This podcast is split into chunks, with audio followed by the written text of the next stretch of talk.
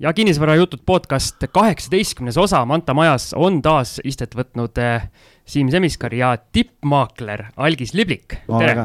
tere, tere! nojah, et nüüd on, tiitel on küljes, et äh, kuna... mees tuli, tuli stuudiosse ja hakkas kohe kiitlema, kuidas äh, saavutas, saavutas tuntuse tippmaaklerina. noh, vaata, noh, top kolmesaja hulgas, et see top kolmsada, kui ma ütlen, siis ei ole nagu väga, ei, ei kõla enam nii ägedalt, on ju, aga las siis see tippmaakler jääb, et äh, no okei okay,, esimest korda mees, kui on tagasihoidlik siin, aga läheme edasi, me ei ole täna siin stuudios kahekesi, nagu sai lubatud. meil on täna külaline ja meie vastas istub äh, Notar- ja Omanike Keskliidu esimees Priidu Pärna, tere! tere hommikust! ehk siis äh, nagu sissejuhatusest aru võiks saada, siis hakkame täna rääkima notaritest,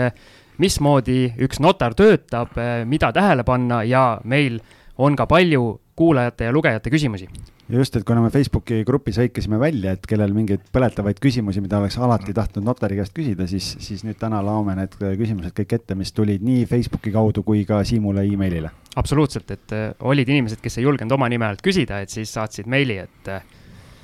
tuleb ka selliseid äh, intrigeerivaid küsimusi. noh, ütleme nii, et osade inimeste küsimustest kumab läbi seda, et kas on mingid negatiivsed kogemused või, või kuidagi arvatakse, et et äh, notarit, et saab ka ilma notarita asju ajada ja täna siis kaevame, et kas saab või, või miks ei saa. aga alustame siis äh, kõige sellisemast, võib-olla üldisemast küsimusest, et äh, kuidas üldse notariks saadakse? no selleks, et notariks saada, tuleb suhteliselt palju, palju vaeva näha. seal on päris kõrged haridusnõuded ja siis ka väljaõppeperiood on üpris pikk, et notariks saamise puhul äh, on siis eeldus, et sul on äh, magistrikraad õigusteaduses, et ei piisa selleks, et sa oled õpetanud äh, bakalaureuse, et sa pead olema õigusteaduse magister, mis tähendab, et sa oled koolis õppinud ülikoolis juba vähemalt viis aastat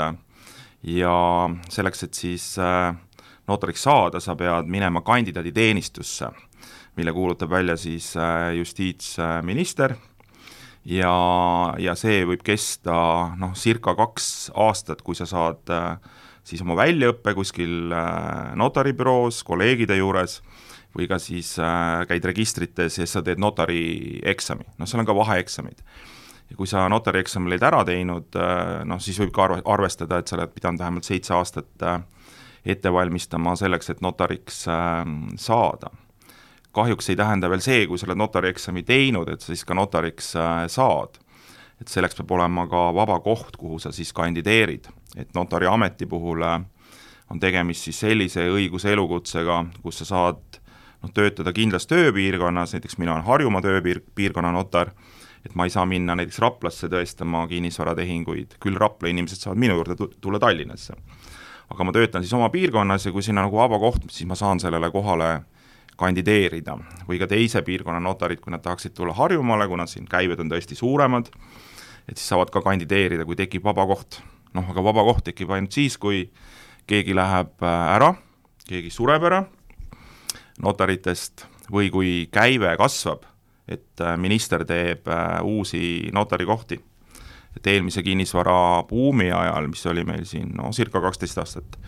tagasi, siis äh, tehti päris palju uusi kohti ja just Harjumaale ja võeti ka hästi palju kandidaate sinna kandidaaditeenistusse. ja kui tuli kinnisvarakrahh, siis selgus, et äh, uusi kohti enam ei tehta. Ja praegult meil on, noh, niipea ei tehta, nüüd neid vaikselt on järjest iga aasta võib-olla mõni tulnud äh, üle Eesti, et meil on praegult päris palju notarikandidaate, kes ootavad seda kohale kandideerimise võimalust, mille kuulutab välja minister et mõni on olnud kandidaatteenistuses juba kümme aastat ja pole saa-, pole veel saanud omale kohta ühesõnaga, notar või see notarikandidaat ja üldse selle elukutse soovija peab olema äärmiselt kannatlik, ma saan aru? õnne ka vaja? õnne ka vaja, näiteks äh, mina sisenesin notariaati just siis jah, kui oli see eelmine kinnisvarabuum, et mul sügisel saab nüüd viisteist aastat notarina tegutsemisel ja siis oligi, et ähm, noh, notareid oli liiga vähe ja minister lõi, ma ei tea, Tallinnasse viie kaupa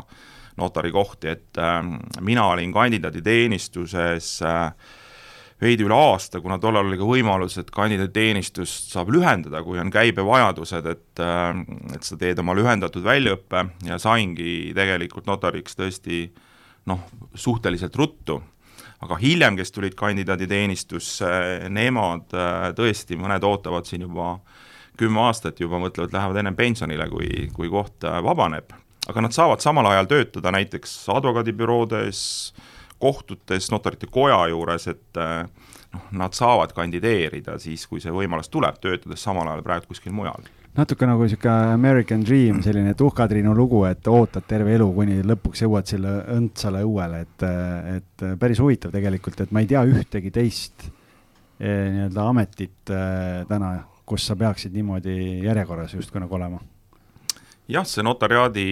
notariamet on selles mõttes eksklusiivne suhteliselt, et meil on Eestis veidi alla saja notari, igasse piirkonda on minister jah määranud arvu, palju neid seal on, Tallinnas on üle üle neljakümne või Harjumaal, kus siis see käive on äh, ju kõige, kõige suurem. ja aga tegelikult sama süsteem on veel ka kohtutäiturite puhul, et sul peab olema koht, kuhu sa kandideerid, ja, ja tegelikult noh, me jõuamegi sinna, et kes see notar on, et ta ei ole päris eraettevõtja, ta ei ole näiteks advokaat, et kui sa oled noor jurist, lähed advokaadibüroosse õpipoisiks ja võidki saada advokaadiks, kui, kui see büroo sind on valmis tööle võtma, et seal ei ole ju nii, et minister määrab sind ametisse. et notar on ikkagi nii-öelda vabakutseline riigiametnik, et ta ei ole päris vabaturu, vaba, vabaturul, kus ta tegutseb. et noh, samamoodi kui sa tahad saada kohtunikuks, et sa teed oma väljaõppe, aga sa saad kohtunikuks ka saada alles siis, kui sul on vaba koht. et sa ei saa minna koputada Harju maakohtu uksele, ütle, et kuule, et ma tahan nüüd kohtunikuks saada, et tal öeldakse, kohta ei ole, on ju. et selles mõttes notar pigem sarnaneb jah, nagu kohtuniku notariamet kohtunikuametiga, et sa saad sellele kohale asuda siis, kui selle järgi on vajadus ja see vaba koht on olemas päris hull kontrast, kui mõelda maakleri elukutsega, et kui palju sul viieteist aasta jooksul neid erinevaid nägusid sealt laua tagant on läbi käinud ja tulevad ja lähevad, et mingit sisenemisbarjääri pole ja ja, ja vaata, kus on ikkagi nagu väga suur erinevus. Eks maaklerite puhul ju ka diskuteeritakse, praegult ju on ka maaklerite koja ametlik ettepanek, et maaklerite amet võiks ikkagi olla ju seadusega selles mõttes reguleeritud, et sa saad tegutseda ainult siis, kui sul on kutsetunnistus, et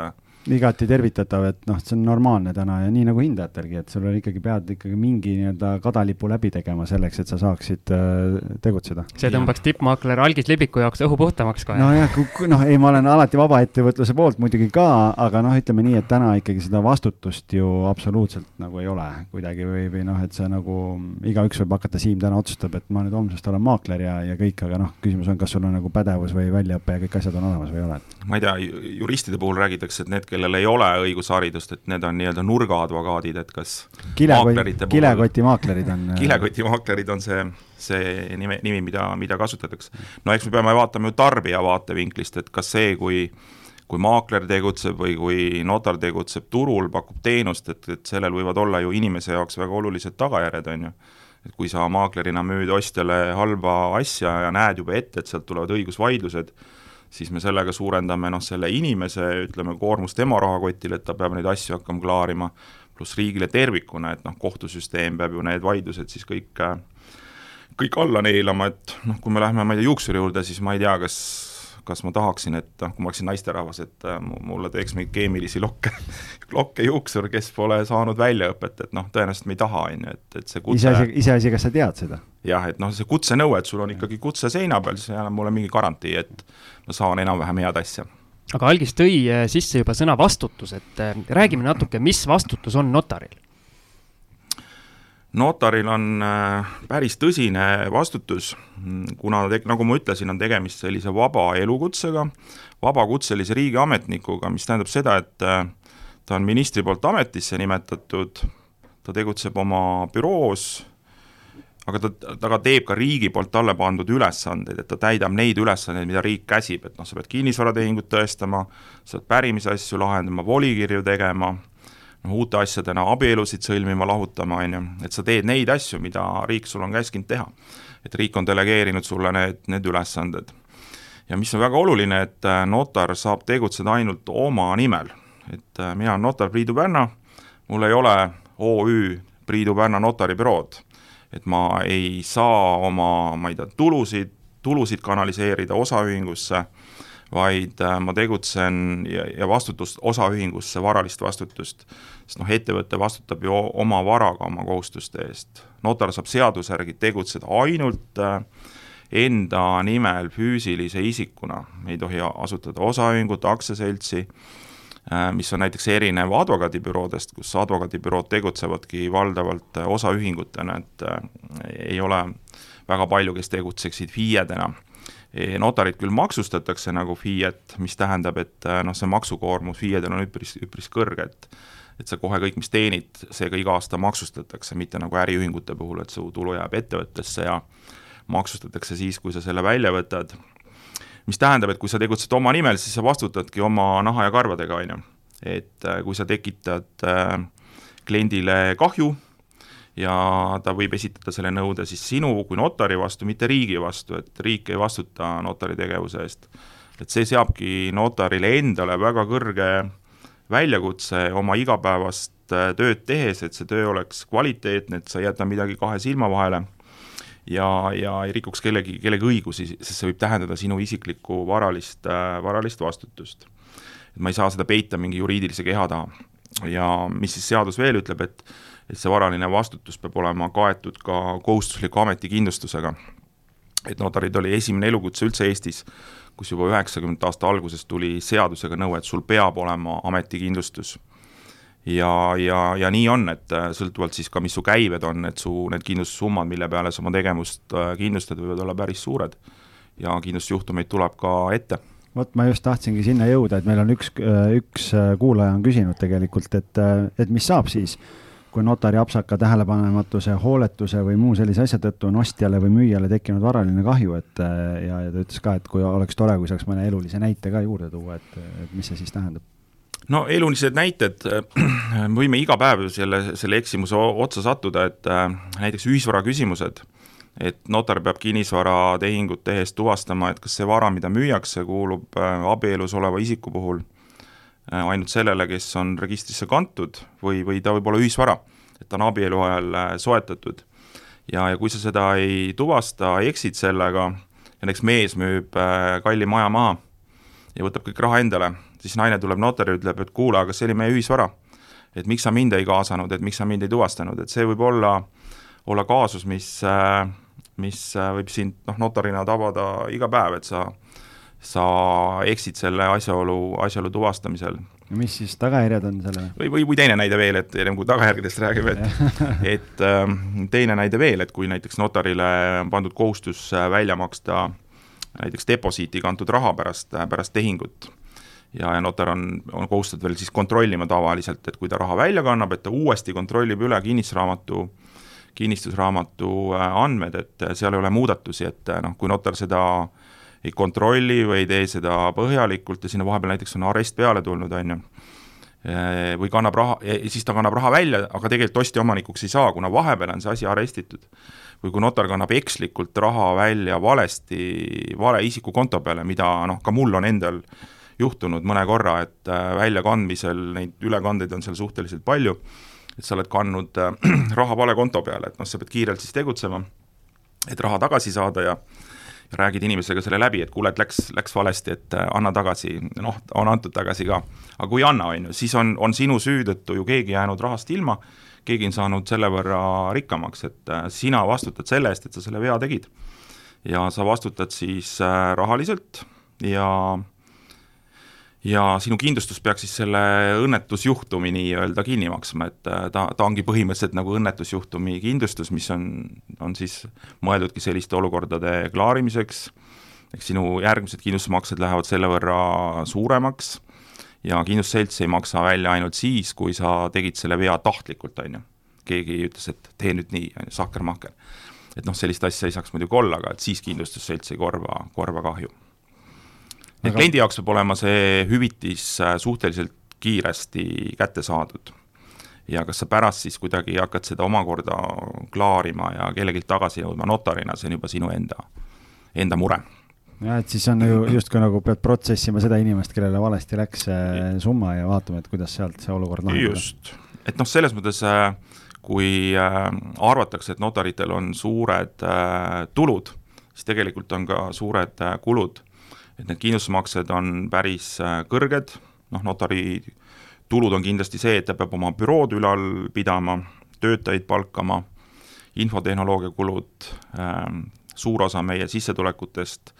läheb ka notarite koja ülalpidamisele, kus äh, kus on väga palju ülesandeid, mida, mida riik ei, ei finantseeri, et notarite koda on siis avalik-õiguslik äh, koda, mis siis notareid koondab ja, ja peab siis tagama selle, et notariaat toimib, et oleks kandidaadid, äh, oleks infosüsteemid, et selles mõttes äh, ka kulud on suured. Aga noh, küsimus, mul kohe kaks küsimust tekkis sellega seoses, esimene küsimus on see, et kui notar ei ole OÜ, et kuidas sa palkad endale inimesi, eraisikuna palkad endale alluva, et äh, mismoodi see töösuhe nagu välja näeb, see on üks küsimus. ja et meelest ära ei lähe, siis teine küsimus, mida üks kuulaja ka küsis, ongi siis see, et, et kuna noh, sellest sissetulekust ja asjadest tuli juttu, et äh, et kuidas notarit tasustatakse, et kas seal on mingi nii-öelda, on küsitud, et kas on tunnipalgasüsteem või on see käibe pealt äh, või on see mingi protsent või et mis, mismoodi see käib? just. et kuidas notar siis äh, inimesi palkab, et äh, no umbes samamoodi, kui algis palkab omale ehitusmehe, et äh, tule tee mul vannitoas, vannitoas äh, remonti, et äh, et notar tegelikult oma nimel tegutsedes tegutseb sisuliselt FIE-na. et seadus ütleb, et jah, et teda maksustatakse maksustamise mõttes nagu FIE-t, füüsilist isikust ettevõtjat. et noh, ka kingsepal võib olla, kes tegutseb FIE-na, kolm selli, kes teda, kes teda aitavad, et et selles mõttes on siis sõlmitud ikkagi töötajatega tööleping notari kui FIE poolt ja kui notarid tegutsevad mitmekesi, siis notaritel on omakorda omavaheline seltsinguleping, mis nende ühise büroo pidamist siis reguleerib ja siis on see töötaja palgatud nii-öelda selle seltsingu poolt, et äh, nad on jah, töölepingulises suhtes meie töötajad, mitte ei ole tegemist äh, nii-öelda tööettevõtuga, vaid ikkagi töölepingutega. Mis puudutab notari enda sissetulekuid, siis äh, siin kehtib notaritasu seadus ja üks äh, põhimõte, mis selles seaduses siis on, et notariga ei saa tasumäärades kokku leppida. et erinevalt siis äh, advokaadist, kus äh, noh, nii-öelda tippadvokaadil on kõrgemad tasumäärad ja nagu tippmaakleritelgi ja, ja siis äh, ja siis sõltub ka piirkonnast, kus sa, kus sa, kus sa tegutsed, on ju, sul võib olla see tunnihind advokaatide puhul ju erinev. et kohtutäiturid ja notarid, kes on siis nii-öelda riigi ülesandel neid avalikke ülesandeid täitvad, täitvad ametiisikud, vabakutselised ametiisikud, jah, ta on kuidagi niimoodi maa ja taeva vahel, see positsioon. et nemad ei saa kliendiga sõlmida tasukokkuleppeid, vaid riik nagu riigilõivud kehtestab, ta kehtestab ka täituritasud ja notaritasud ja paar kohta on, kus äh, seadus on läinud nüüd liberaalsemaks, et on võimaldatud äh, kokkulepete sõlmise võimalust, on siis see, kus, kus notar annab nii, lihtsalt õigusnõu, et inimene tuleb lihtsalt ütleb, ma ei taha mingit notariaaltoimingut teha, ma tahan, et sa annad mulle õigusnõu, et nõustad mind, annad, annad lihtsalt nõu. et seal võib notar ise kehtestada, et vot minu tunnitasu on äh, selline Siim käib tavaliselt tasuta kaevamas notaris laua taga seal neid. Äh, ma kasutan no. seda võimalust, kui notari nii-öelda tehing on, siis paar küsimust ikka nii-öelda muust teemast ka sisse lükkida. alati on, peo peal on pastakaga on kirjutatud, et siis nii-öelda piilub et, et, et see nii-öelda õigusnõustamine nagu tunnina alusel, et see on väga margima-, marginaalne osa notari tegevusest. Ja teine koht, kus saab siis veel kokku leppida mm, notari nii-öelda hinnas, on see, kui notarid kutsutakse abielu sõlmima näiteks suvel mõnda looduskaunisse kohta. Et kui sa tahad büroos abielu sõlmida, et see maksab kaheksakümmend eurot, aga kui sind kutsutakse Palmse mõisa, et sa võid selle kokku leppida. Ja siin notarid sageli vaatavad ka, mis on Tallinna perekonnaseisuameti hinnakirjad, mis on, mis on läinud tegelikult väga, väga kõrgeks, et kui sa juba sõidad Virumaale ja tahad Tallinna perekonnaseisuametist võtta omale abielu registreerijat, et noh, sa võid maksta juba üle seitsmesaja euro. Et notarid ongi selles mõttes ka siin turul äh, nagu lisaks teenusepakkujad, et äh, et saab paindlikult kokku leppida selles, selles tasus. aga muus osas on siis äh, notaritasud jah, seadusega fikseeritud, need on siis kahel põhimõttel seal notaritasu seaduses, et on siis kindla seadusega kindlaks määratud notariaaltoimingud, kus tasu ei sõltu asja väärtusest, on ju et need on näiteks äh, kõik pärimisasjad, testamendid, volikirjad, no tavaliselt äh, pärimisasja notaritasu, sõltumata sellest, palju päritakse mitu tundi notar sellega tegeleb, on ju.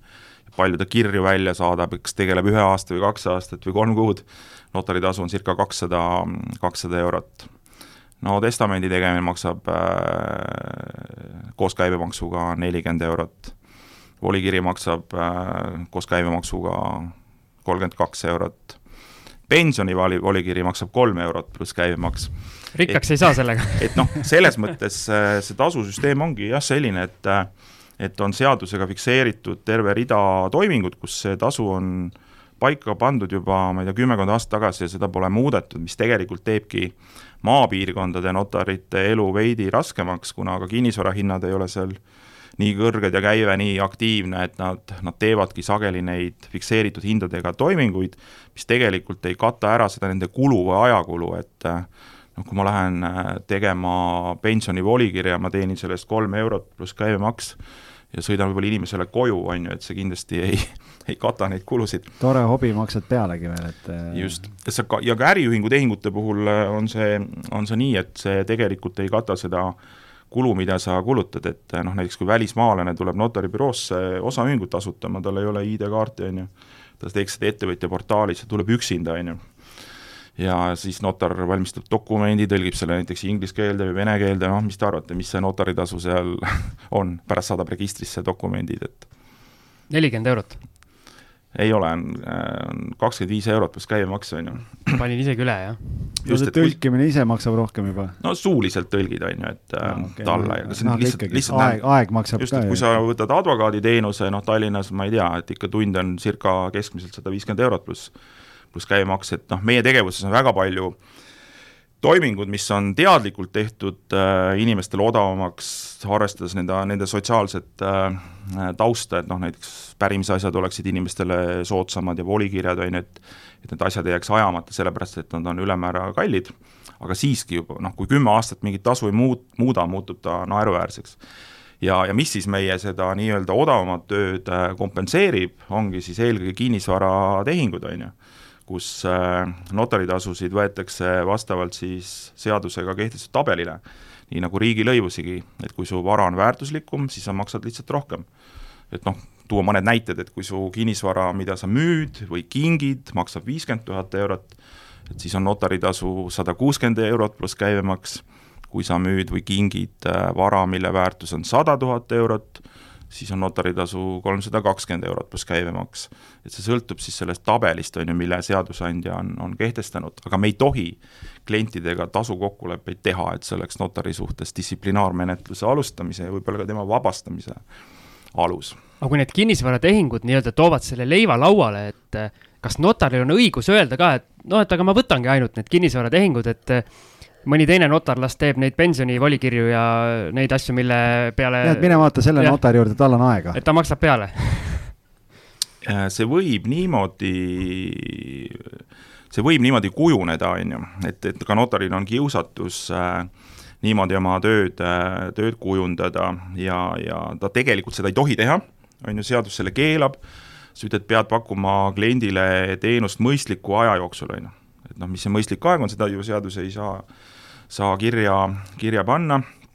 aga sa ei tohi niimoodi kliendile öelda, et ei, et mina teen ainult kinnisvaratehinguid, sa pead tegema kõiki neid tehinguid, mida siis, toiminguid, mida siis äh, seadus ette, ette näeb, et noh, kui seadus näeb ette, et notar peab sõlmima kooselulepinguid, on ju, siis ta ei saa tegelikult öelda, et äh, ma neid ei tee, ma pole kunagi neid teinud, ma ei oska neid teha, et noh, minge sinna, et ma tean, et äh, Notar Priidu Pärna neid äh, sõlmib, on ju, ja ma, ma olen tõesti sõlminud nendest siis võib-olla Eestis pooled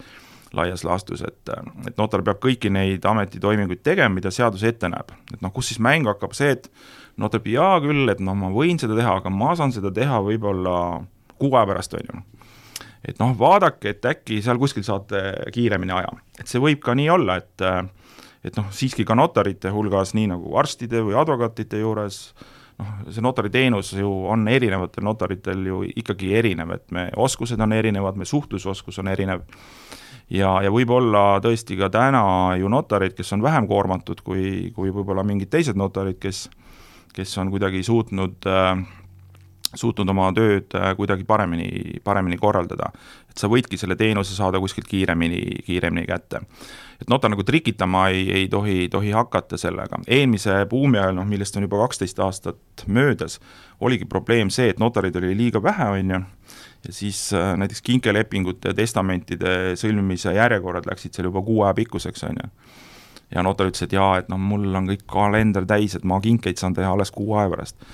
et siis notarite koda hakkas ise seda reguleerima, et, et me saame ka sisereeglitega paika panna, et mis aja jooksul mingi asi siiski peab olema tehtud ja koda ka kontrollis, et kuidas siis büroode kaupa näiteks testamentide või kinkelepingute tegemine nagu jagunes, et kui üks nagu tegi ja teine ei teinud üldse, et siis oli näha, et seal oli mingi, mingi probleem. ja notarite koda korraldab ka selliseid äh, noh, ootajaküsitlusi, et lihtsalt anonüümselt helistatakse notaribüroodesse ja, ja küsitakse, et millal teil saab teha testamenti, on ju. ja kui notar ütleb, et kuu aja pärast, on ju, siis, siis tegelikult on sind konksu otsa tõmmatud ja ja sind, sind noomitakse, on ju. Lähed vaibale kohe. Ja et see jah, päri-, ta, kuna ta ei ole päris vaba elukutse, siis sa pead järgima neid reegleid, mida kas seadus või siis need notarite koja äh, sisereeglid sulle ette näevad. no ja kui sa OÜ oled, siis keegi ei saa sulle öelda, et kuule, sa oma OÜ-s pead tegema asju teistmoodi, et siis sa ütledki, et aga ma olen valinud, et ma teen ainult kinnisvara, on ju, et, et selles mõttes teatud mõttes on nagu loogiline. just. aga noh, tegelikult siin oli, oli veel küsimus äh, ka, tule selle tasude juurde tagasi tulles, et mm, -hmm. et üks kuulaja küsis ka, et kui noh, et kui palju toimub reaalselt Eestis notari ja teise osapoole kokkumängu või raha jaotamist, et a la, et mingi maakleri poolt nii-öelda summa tõstmine et noh, et äh, lepime kokku, et äh, notaritasu on selline ja siis maakler saab tüki sellest äh, tasust endale, et kas see on noh, seadusega reguleeritud või kui palju võib küsida teatud tehingu eest, et selle osa juba nagu vastasime ära, et et lihtsalt lugesin selle küsimuse ette, kuna kuna inimene oli seda küsinud, aga ma arvan, et vist, vist saime suhteliselt ammendava vastuse sellele küsimusele. see on hea küsimus selles mõttes, et äh, jah, et notar, notar ja maakler on ju mõnes mõttes partnerid, on ju et kui äh, maakleril on selle notariga hea koostöö, siis siis ta viib oma kliendid äh, ju sinna notaribüroosse tagasi. et äh, seadus ütleb, et notar ei tohi oma tegevust re-, reklaamida. et äh, ta ei tohi panna näiteks Päevalehe esiküljele reklaami, et et meil on kõige paremad teenused, tea, Tallinna linnas on ju, et te ei ole näinud ka ju ärimajade katustel mingisuguseid säravaid äh, silte, et notaribürood on ju, noh, advokaadibüroode puhul me neid ikkagi tagasihoidlikul moel küll, küll näeme, et, tegelikult kõik need e-, õiguselu, elukutsed seadus ütleb, et sa ei tohi reklaamida enda tegevust, et noh, need kliendid peavad jõudma sinuni siis äh, tõesti sinu hea töö tulemusena ja ja maakler, kui, kui on notariga hea koostöö, siis ta viib oma, oma, oma kliendid sinna tagasi eks selles mõttes äh, notari huvi jah on, et, et tal oleks koostööpartnerid, maaklerid, kes kes talle seda, seda tööd, tööd äh, siis ka toovad, et ma ei saa ise käia neid kliente nii-öelda turu pealt kokku, kokku otsimas ja oma tööd äh, reklaamimas. ja, ja selles küsimuses on, on väga huvitav niisugune konks oli sees, et tõesti, et kui maakler teenib sealt äh, sealt äh, võib-olla kolm-neli protsenti tehingu pealt ja, ja notaritasud võivad olla ka päris kõrged suurte tehingute puhul, et siis maakler võib öelda, et kuule, notar, et ma toon sulle selle hea tehingu juhul, kui sa pärast osa notaritasust maksad mulle veel lisaks sellele, mida ma maakleri tasuna äh, teenisid, mida sa teenisid, on ju noh, mind notarina väga huvitab, et kas sellised asjad äh, leiavad tegelikkuses aset. Et ma olen nagu kunagi kuulnud mingitest sellistest äh, vihjetest, aga ma ei tea ühtegi konkreetset kaasust, et see nii oleks äh, toimunud, on ju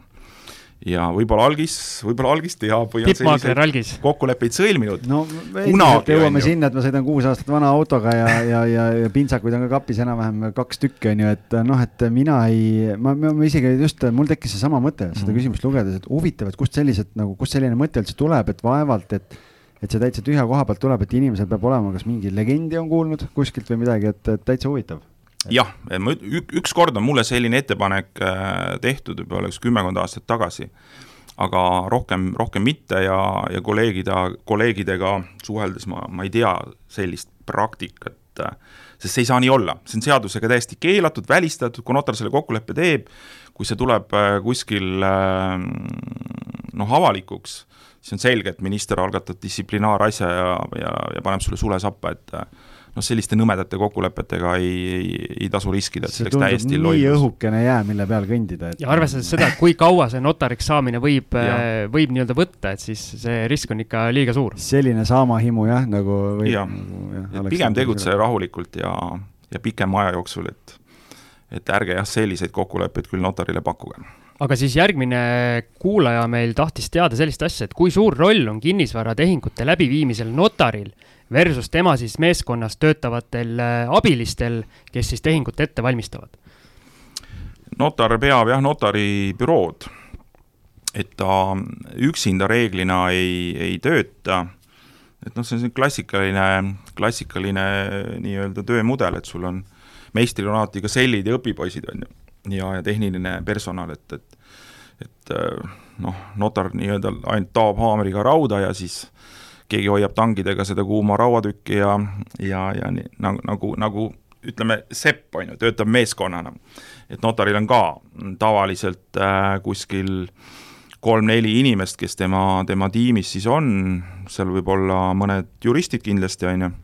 ja siis ka tehniline personal, kes äh, võtab kliente vastu, registreerib dokumente, teeb,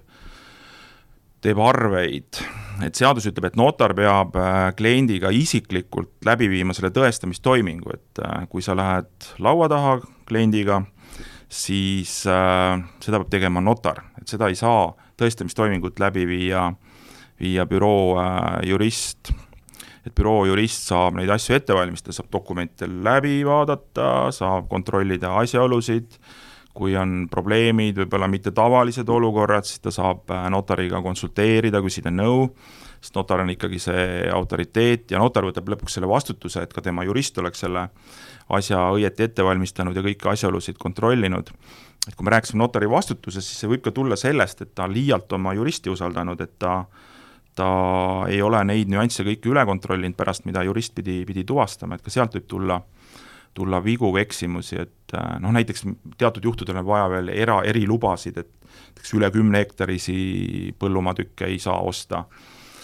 noh, osaühingud, kes pole näiteks tegutsenud põllumajanduses viimased kolm aastat, et noh, kui sa unustad selle asjaolu ära ja tõestad tehingu ära, siis jällegi tehing võib olla tühine ja tuua kaasa sulle rahalisi nõudeid. et noh, sa eeldad, et, et su abilised on need asjad kõik ära kontrollinud, aga ikkagi lõppvastutus jääb, jääb notarile ja, ja notar siis äh, ikkagi inimestega kohtub ja, ja tehingu tõestab ja allkirjastab äh,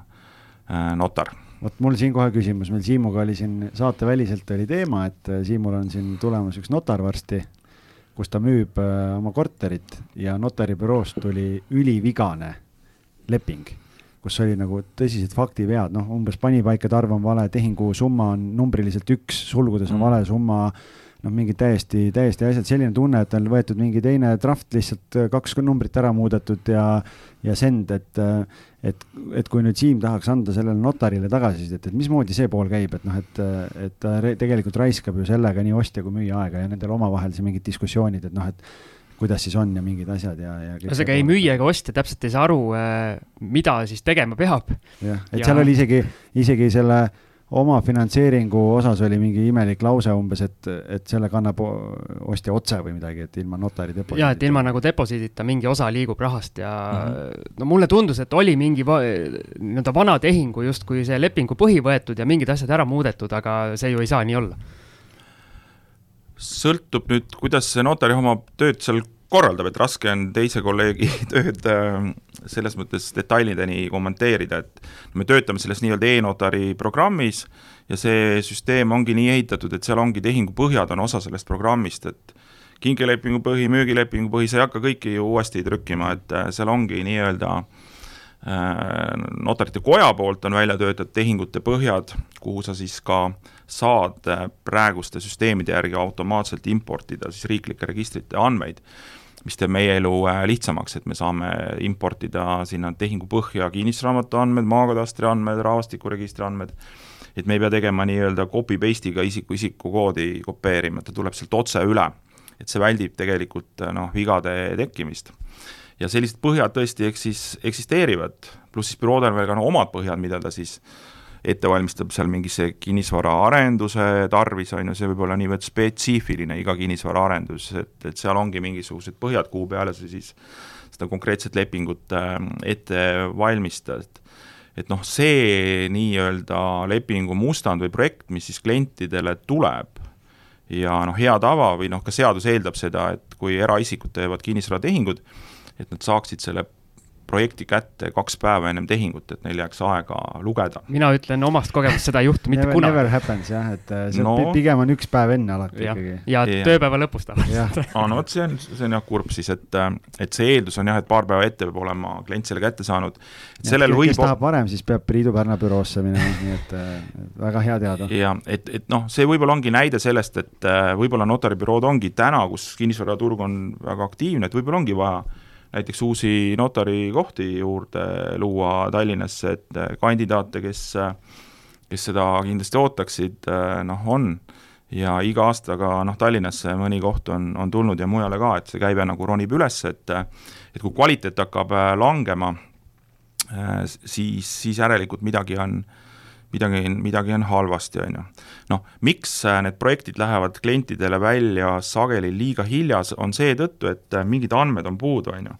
et kui on pangatehing, on ju, et siis pangaga tehing, pank finantseerib ja kustutab hüpoteeke,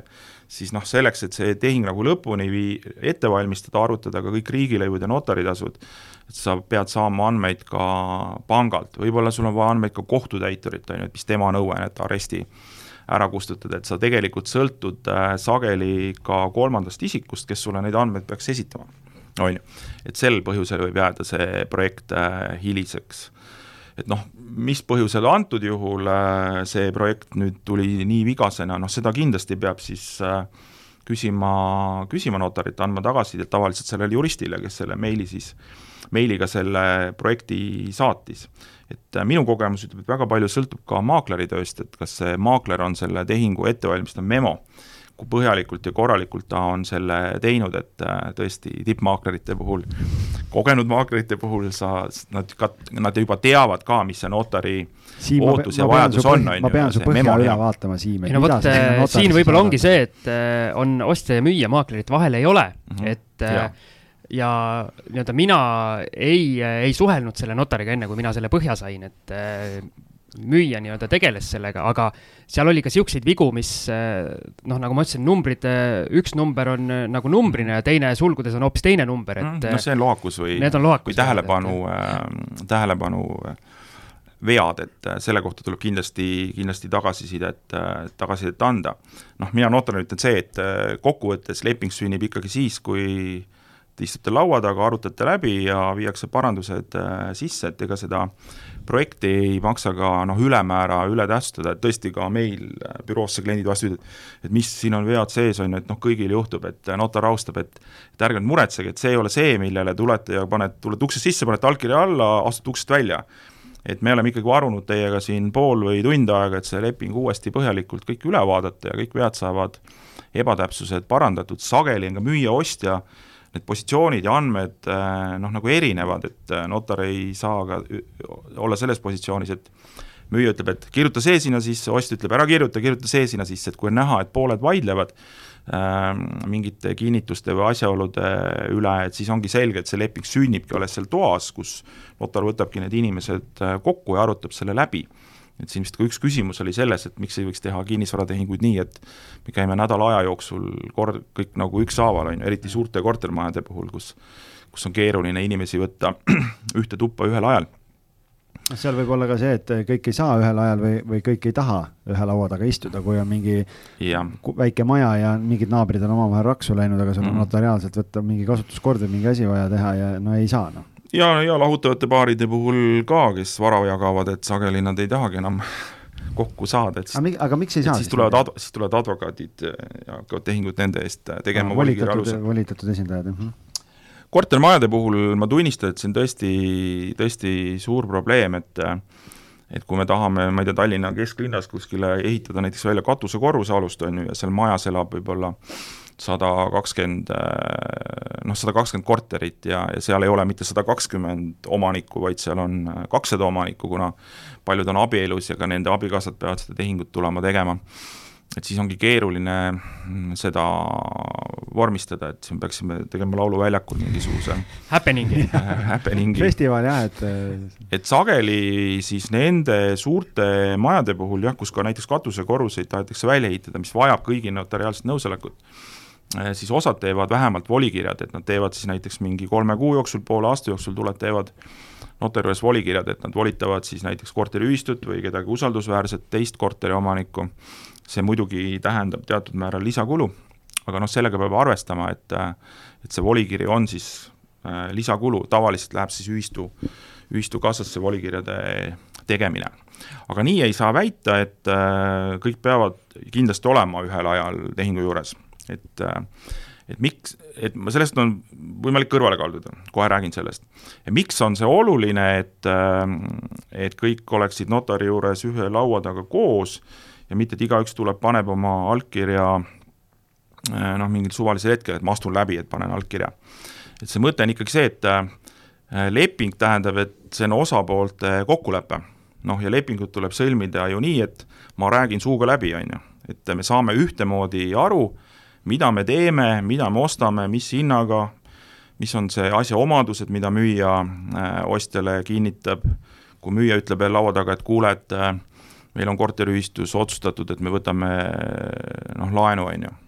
noh, ostja tahaks kohe teada, ahaa, millal te otsustasite, mis selle laenu eest tehakse, kui suur see laen on, kuidas see mu kommunaalkulusid mõjutab. et noh, lepingu sõlmimise mõte on, et osapooled tajuvad neid asjaolusid ühtemoodi, on ju. et, et see on ka tõestamisseaduse eesmärk et oleks vähem vaidlusi. notariaalseid tehinguid, miks seadus ette näeb kinnisvaratehingute puhul, on see, et välistada kinnisvara puhul, mis on olulise väärtusega inimeste jaoks, sageli nende kodud, on ju, investeeringud, et selle põhjalt oleks võimalikult vähe kohtuvaidlusi, sest kohtukulu on inimeste jaoks suur kulu ja ühiskonna jaoks suur kulu. et notari ülesanne on tegelikult äh, lisaks sellele, et pakkuda õiguskindlust äh, inimestele endile, vähendada siis äh, kohtuvaidluste arvu ühiskonnas, mis on kallis kulu ühiskonnale ja kodanikele, on ju. ja, ja, ja kui sa tahad seda kohtuvaidluste arvu nii-öelda preventatiivselt vähendada, siis eeldabki, et pooled tajusid neid asjaolusid ühe laua taga ühtemoodi et, et kui mitte nii nagu kolm sõpra Prostokvassonist, et igaüks tuli ja kirjutas sinna kirjale mingisuguse jupi juurde, et, et see nii ei, äh, lepingu sõlmimine nii ei tööta. Äh, aga samas ei ole ka välistatud, et, äh, et mõni tuleb näiteks järgmisel päeval, on ju. Äh, ja, ja sellisel juhul me peame vormistama selle eraldi tehingu heakskiiduna, mitte et ta ei kirjuta alla samale lepingule, vaid see on siis ikkagi juba järgmisel päeval tehtud tehingu heakskiit, mis saab eraldi numbri, mis tähendab selle kliendi jaoks ka jällegi teatud lisakulu sest see heakskiit tähendab seda, et notar peab siis sellele inimesele selle kõik uuesti ette lugema. teate, et meil olid siin A, B ja C. Nad leppisid kokku selles, on ju. ja, ja peab tutvustama kõiki neid olulisi tingimusi, mis siis selles lepingus kokku lepiti, ja see inimene, kes tuleb järgmine päev, ütleb jaa, ma olen sellega nõus, ma kiidan selle heaks, ma ühinen ka selle lepinguga. tõesti, ehitame selle katusealuse välja. et siis see leping koosnebki nendest tükkidest, aga lihtsalt inimene annab kuskile allkirja Äh, ei saa, et notar peab sellesama töö siis tegema ära ka nende inimestega, kes siis tulevad hiljem uuesti. Aga ma arvan, et meil see asi läheb juba üsna nii-öelda konkreetseks, et teeme vahepeal ühe pausi, kuna meil siin juba üle neljakümne minuti jutt on nii libedalt läinud. nii põnev kuulata, et stuudios, stuudios on vaikus, et äh, korraks võtame väikse puhkepausi ja oleme kohe tagasi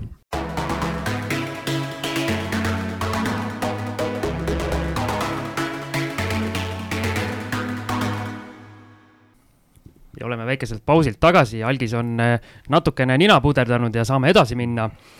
et äh, järgmine küsimus tuli nii, nii kuulajalt kui ka tegelikult huvitab mind väga, on äh, kinnisvara järelmaksuga ostmine, et milliseid soovitusi notarilt kinnisvara ostmisel järelmaksuga või milliseid soovitusi notar annab ja kas on praktikas ka mingeid halvasti läinud juhtumeid, mida pärast on nii-öelda tulnud klappida? Jaa, eks halvasti võivad asjad minna eelkõige siis, kui, kui inimesel seda raha ei ole, mida ta siis arvab, et ta järelmaksuga suudab ju, ju tasuda, on ju, et et noh, siis toimub see, et lepingust äh, taganetakse, kuna ostja ei suuda oma kohustusi täita ja müüja tahab siis seda, seda noh, asja tavaliselt ju tagasi, on ju, ja siis ta peab tagastama raha, mida ta on juba saanud. et see, see on see halb stsenaarium, et kui sa ei suuda seda järelmaksu kokkulepet täita aga miks siis järelmaksuga müüki ju tehakse, on, on, on, on need põhjused, et ostjal ei ole ju finantseerimist, on ju, et kui teda pank ei finantseeri, kui pank finantseeriks, siis saaks ju müüja raha kohe kätte ja me ei räägiks mingisugust müügist järelmaksuga, vaid äh, ostja hakkab siis pangale maksma laenu mitmekümne aasta jooksul. et noh, kui sind pank ei finantseeri, aga kangesti ost-, osta tahad ja raha ei ole, siis sa peaksid jah, müüjaga rääkima läbi sellest järelmaksuga müügi võimalusest. No siin on tõesti nüüd kaks varianti, mi-, mida notar siis ka peab äh, soovitama või mi-, mida ka juba maakler saab ka ju läbi rääkida, et kuidas seda järelmaksuga müüki vormistada, et mõlema poole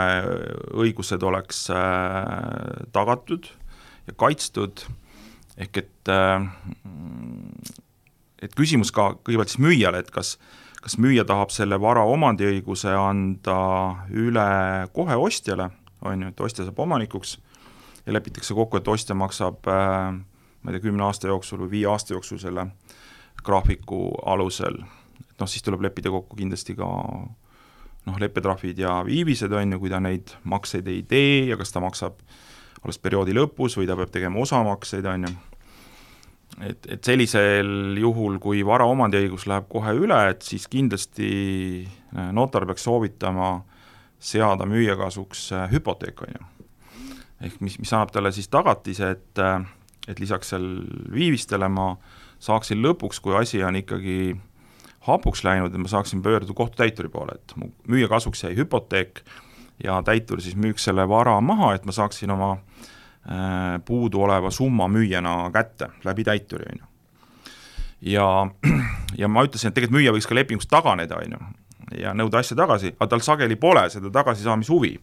ta ei taha seda asja tagasi, ta tahtiski sellest vanast majast saada lahti. et leidis õnneks ostja, kes oli valmis ostma järelmaksuga, on ju, ma ei taha seda maja tagasi, ma ei taha lepingust taganeda. et pigem ma tahaks raha kätte saada, et siis see hüpoteek annab võimaluse täituri kaudu taodelda sundmüüki, et ma saaksin oma puuduoleva summa puudu kätte, on ju. no et miks siis hüpoteek on hea antud juhul, on see, et ma ei pea oma nõudega minema ostja vastu kohtusse, on ju. Et hüpoteek võimaldab selle sundmüügiga alustada noh, põhimõtteliselt kohe, kui võlgnevus tekib, mul ei ole vaja sellele nõudele tunnustust, on ju, see on meie hüpoteegi tähendus ja jälle, miks notar seal vahel siis on, et notar peab osapooltele siis seda hüpoteeki esiteks pakkuma, on ju, et pange see, et see on muidu riskantne, ja ta peab ka ostjale selgitama, mis hüpoteegi tähendus on, et see võibki kaasa tuua sulle selle vara kaotuse, ilma et kohus seda nõuet oleks äh, tunnustanud. Et noh, miks müüja siis on valmis omandit üle andma ostjale, kui ta raha pole saanud, on sageli see, et ta ei taha olla selle varaga enam seotud, on ju, ta ei taha vastutada selle eest, kas tal läheb põlema, on ju, ta ei taha maamaksu maksta, ta ei taha kindlustada, ta on valmis selle omandi üle andma. aga võib olla ju ka plaan B, et lepitakse kokku järelmaksuga müük, Äh, viie aasta peale, aga müüja jääb omanikuks, on ju. sellisel juhul ta noh, on, ongi võtnud positsiooni, et ma jäängi omanikuks, kuni raha on makstud, vot siis läheme uuesti notari juurde ja siis sa saad äh, omanikuks, on ju. et sellisel juhul ostja positsioon on tegelikult nõrgem, on ju, ta maksab, maksab, maksab, võib-olla võtmeid sai ka kätte, aga omanikuks pole saanud, et see peaks ostjat äh, rohkem motiveerima siis seda summat tasuma, on ju. aga sel-, ja sellisel juhul pole ju vaja ka hüpoteeki seada, sest müüja on jätkuvalt omanik aga, aga ostja jaoks on siis riskid, et äh, müüja teeb mingi topeltmüügi, on ju. ma olen seal kolm aastat maksnud, kolm aastat sees elanud. Kinnisvara hinnad on tõusnud kõvasti vahepeal. müüja müüb uuesti ära, on ju. teist korda topeltmüügi, et, et siis jällegi notar peaks ostja kasuks soovitama seda, et pange kinnistusraamatus eelmärge, on ju, ostja kasuks, et mis teeb siis selle pooleli oleva omandamise nähtamaks, mis teeks siis võimatuks topeltmüükide tegemise, et sõltuvalt sellest variandist, millises positsioonis tahavad müüja ostja selle mm, järelmaksuga müügi puhul olla, siis peab notar soovitama varianti, et kas eelmärge või hüpoteek seada. Kumb äh, variant A või variant B siis, et kumb, äh, kumb see nii-öelda levinum on, noh kuna kui palju üldse selliseid tehinguid tehakse, võib-olla hakkame sellest peale ja teine on siis see, et äh, kumba versiooni kasutatakse valdavalt? no väga palju neid järelmaksuga müüke siiski meil ei, ei ole ja, ja kui nad on, siis on pigem nagu minu hinnangul nagu väikeste tehingu, suhteliselt väikeste tehinguväärtustega, et noh, sa näedki seda müüja huvi, et ta tahab sellest lahti saada, et mingi kahekümne tuhandene korter pärandatud, tiksub kaelas. mingi vana maja, kus peab maamaksu maksma, siis omavalitsus teeb mingeid ettekirjutusi, et kuule, et äh, suvel on hein niitmatu, on ju, hea korra eeskirju ei järgi, et ta tahab nagu sellest lahti saada ja, ja, ja minu hinnangul jah, selliste võib-olla ka odavamate ja, ja vähem likviidsemate varade puhul äh, minnakse selle järelmaksuga müügi peale, järelikult ka see ostja ei ole võib-olla panga jaoks äh, atraktiivne klient või pank ei ole valmis võtma seda vara tagatiseks, on ju, et, et, et minu arust noh, ikkagi kui on äh, maksejõuline hea sissetuleku klient, väärtuslik kinnisvara, et noh, täna ikkagi pank annab sulle reeglina siis ka, ka laenu. aga kumb variant siis, kas äh, A või B, on ju, noh, see on nii ja naa, et ma ei, ma ei saa öelda, et on välja kujunenud mingit trendi, et pigem mulle nagu tundub, et sageli äh, müüja, kui ta tahab sellest kohustust lahti saada, on ju, et ei taha seda vara omada, täita neid mingeid avalik-õiguslikke koormisi, maamakse, on ju, vastutada selle vara eest, annab omandiõiguse üle, jätab endale hüpoteegi see sõltub ka, et palju nagu esimese summana ära maksti, et äh, kui ma juba sain näiteks kolmandiku rahast kätte, on ju, siis mul on selge, et äh, kui mul on hüpoteek, et isegi kui täitur laseb hinna alla, on ju, et ta ei pruugi saada seda kohe müüa, et ma ikkagi saan selle, selle jäägi, jäägi kätte. et see sõltub ka sellest, mis see esimene sissemaks ostja poolt on. et äh, kui ta näiteks noh, midagi pole valmis panustama, siis ma ikka müüjana tegelikult ei julgeks talle omandit üle andma, et pigem ma jään siis omanikuks ja, ja, ja kui ta siis on ilusti maksnud seal viie aasta jooksul või tahab varem maksta, et siis ma annan talle omandi üle ja võib-olla annan talle siis eelmärke kinnistusraamatusse, mis tema positsiooni kindlustab, sõltub asjaolustest, palju sisse makstakse, mis varaga on tegemist, et siis kindlat mustrit võib-olla ei ole. Siimul läksid silmad põlema, nüüd läheb kohe järelmaksuga objekte otsima, kust saaks impeeriumi kasvatada. jaa, ma siin mõtlesin, et võib-olla müüjatel üks äh, motivatsioon on ka nii-öelda tekitada endale selles mõttes rahavoog, et müüa see järelmaksuga suurema hinnaga kui võib-olla nii-öelda ühe tehinguga, et pakkuda seda võimalust, et okei okay,, sa võid tasuda nagu pikema aja peale, aga selle võrra on hind suurem ja sellega tekitatakse endale justkui siis äh, lisaks siis äh, mingi rahavoog jah, et see, et see müügihind on veel äh, noh, ajatatud, et ta võib olla jah, ka intressitud, et ta, ta läheb nagu pangalaengi, läheb sellele ostjale päeva lõpuks äh, kallimaks, et äh, siin on jälle nii ja naa, et kui inimene tahab lihtsalt varast lahti saada, siis ta on valmis andma sulle kolmeaastase järelmaksuga, ei hakka mingit intressi nõudma, aga on ka tehinguid, kus tõesti, tõesti see järelmaks ka on veel intressitud, et see sõltub, kui motiveeritud müüja on selle tehingu puhul, see paneb vist asjad paika ja ma ise mõtlesin äh, lihtsalt nii-öelda hüpoteetiline, hüpoteetiline olukord, äh, ostadki äh, nii-öelda odavama otsa korteri, ütleme kakskümmend, kolmkümmend tuhat kuskil ütleme Tallinnast väljas ja, ja teed selle korralikult korda, ilmselt pangale see nii-öelda väikses kohas olev korter nii atraktiivne tagatis ei ole ja siis pakudki ostjale nii-öelda järelmaksuga, aga hind on selle võrra kõrgem, kui võib-olla oleks turuhind või siis ja, kuidas tundub? jah ja samas ostja positsioonilt, et kui ta, kui ta täna saab selle tõesti võib-olla Tallinnast väljas oleva korteri mingi kindla summa kätte, näiteks kolmekümne tuhande euroga, ta saab diili, et ta saab maksta seda kolme aasta jooksul, siis ta võib-olla ka rehkendab sellega, et võib-olla kolme aasta pärast see korter on juba noh, nelikümmend tuhat selles piirkonnas, et ta on saanud selle võidu juba sellega, et ta sai müüa ka järelmaksu kokkuleppe, on ju. ehk siis win-win olukord nagu kõigile. just nii et elu on, pakub palju võimalusi palju. nii, aga see oli küll, ma ütlen, et päris kasulik, et eh, Siim on, Siimuga, meil on siin eelnevatest saadetest ka seda küsimust läbi käinud, et, eh, et, et siin saime väga põhjaliku põhjalikku teadmisi selle kohta. ja me oleme nagu omavahel arutanud, et see järelmaksuga ostmine investori mõist-, mõistes tegelikult mingitel hetkedel võib, võib päris ahvatlev olla, aga nii-öelda Tallinnas tundub see olevat rohkem selline ükssarvik, et kõik räägivad sellest, aga keegi nagu konkreetselt näinud ei ole sa pead jah, järelmaksuga müügi puhul arvestama, et sul võib ikkagi tulla mingeid sekeldusi, et noh, müüja jaoks, kui ostja kasutas pangalaenu, müüja saab raha kätte ja, ja kõik, on ju. aga kui sa teed mingi järelmaksu kokkuleppe, et noh, kui tekivad seal makseraskused, on ju, ostja kaotab töö, on ju, et siis sul ikka mingi sekeldus, sa hakkad seal täituriga sekeldama või lepingust taganema, et noh, mingi sekeldamise riisiku võib seal olla, aga sõltuvalt asjaolust sest et see võib väärida, väärida küll. aga kui sa paned intressid juurde, siis see ongi justkui nagu see nii-öelda tasu, mis sa selle riski eest äh, võtad. täpselt.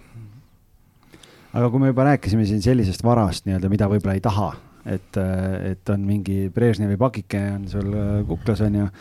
et üks kuulaja on küsinud meilt, et äh, millised oleksid olulisemad tähelepanekud soetatud investeerimiskinnisvara pärimisega, mis investorist kunagi maha jääb et mida tasuks teha ja ette mõelda eraisikuna või ettevõtjana? no kui see investeerimiskinnisvara on ostetud ettevõtte nimele, eh, siis selle omaniku surma korral väga midagi ju ei muutu, on ju, sest need ka näiteks üürilepingud on sõlmitud selle osaühingu, osaühingu nimel ja need üürilepingud jätkuvad ju selle nii-öelda osaühinguga et lihtsalt seal võib olla küsimus sellele, selles, et kui seesama osanik oli veel ka juhatuse liige, on ju, ja ta on ära surnud, et siis see ettevõte võib olla mingi aeg nagu ilma, ilma peata, et äh, osanik on surnud, juhatuse liige on äh, samal ajal noh, surnud, on ju, ja, ja raamatupidajad ka ei olnud, kes saaks kontodelt mingeid ülekandeid teha, et noh, seal võib tekkida mingi ajaline periood, kus tõesti see üürileandja on äh, nii, nii-öelda teovõimetu, et siis peavad pärijad kähku hakkama toimetama, algatama kohe pärimise asja, et vahest on seda tõesti juhtunud, et et inimene tegi ise ka kõiki ülekandeid, et tal ei olnud ka raamatupidajale antud õigusi, siis, siis tuleb pärimisasi ruttu, ruttu lahendada, et et ta noh, minimaalselt äh, pärimise asja saaks lahendada kuu aja jooksul, et seadus ütleb, et et kuu aega peab olema ametlikes teadaannetes üleval kuulutus, ennem kui notar võib kedagi kellegi pärijaks tunnistada siis pärijad saaksid uue juhatuse määrata ja nii edasi. Et see ettevõte toimib, toimib edasi. noh, kui see üürikinnisvara oli, oli ju investeerimiskinnisvara näiteks oli eraisiku nimel, mitte näiteks osaühingu nimel, kui ta ära sureb, et et ega põhimõtteliselt ka üürniku seisukoha pealt midagi ei, ei muutu, et üürileping kehtib edasi, et et meie pärimissüsteem on niimoodi üles ehitatud, et kui inimene sureb, siis tema noh, pärijad on kohe pärijad tegelikult, et ei ole mingit ajaperioodi, kus varal öeldakse, et varal omanikku ei ole. Et et pärind, pärand lähebki üle pärijatele ja pärijad võivad pärandist loobuda kolme kuu jooksul, et see on selline põhimõte. et, et kui äh, ärikinnisvara omanik sureb, siis äh, see üürileping tegelikult üürnikul jätkubki automaatselt tema pärijatega ja, ja ta võib ka selle üüri maksta sellele samale surnud isiku kontole, kui seda pole blokeeritud, on ju, et äh, selle üüri ikka pärijad pärivad, on ju, mis ta on sinna, mis ta on sinna maksnud. Kui see konto on blokeeritud, siis tekib jah küsimus, et äh, siis ta peaks, äh, peaks selle üüri, üüri siis maksma juba jah, pärijatele ja kui neid pole, pole selgitatud, et siis siis, siis, siis eks ta siis passib, on ju. et äh, ta oma võlgadest selles mõttes ei, ei vabane. et noh, ega siin mingeid erilisi tähelepanekuid mul rohkem ei, ei olegi, lihtsalt inimene, kes on ostnud omale, e-, oma nimele kokku näiteks äh, üürikortereid,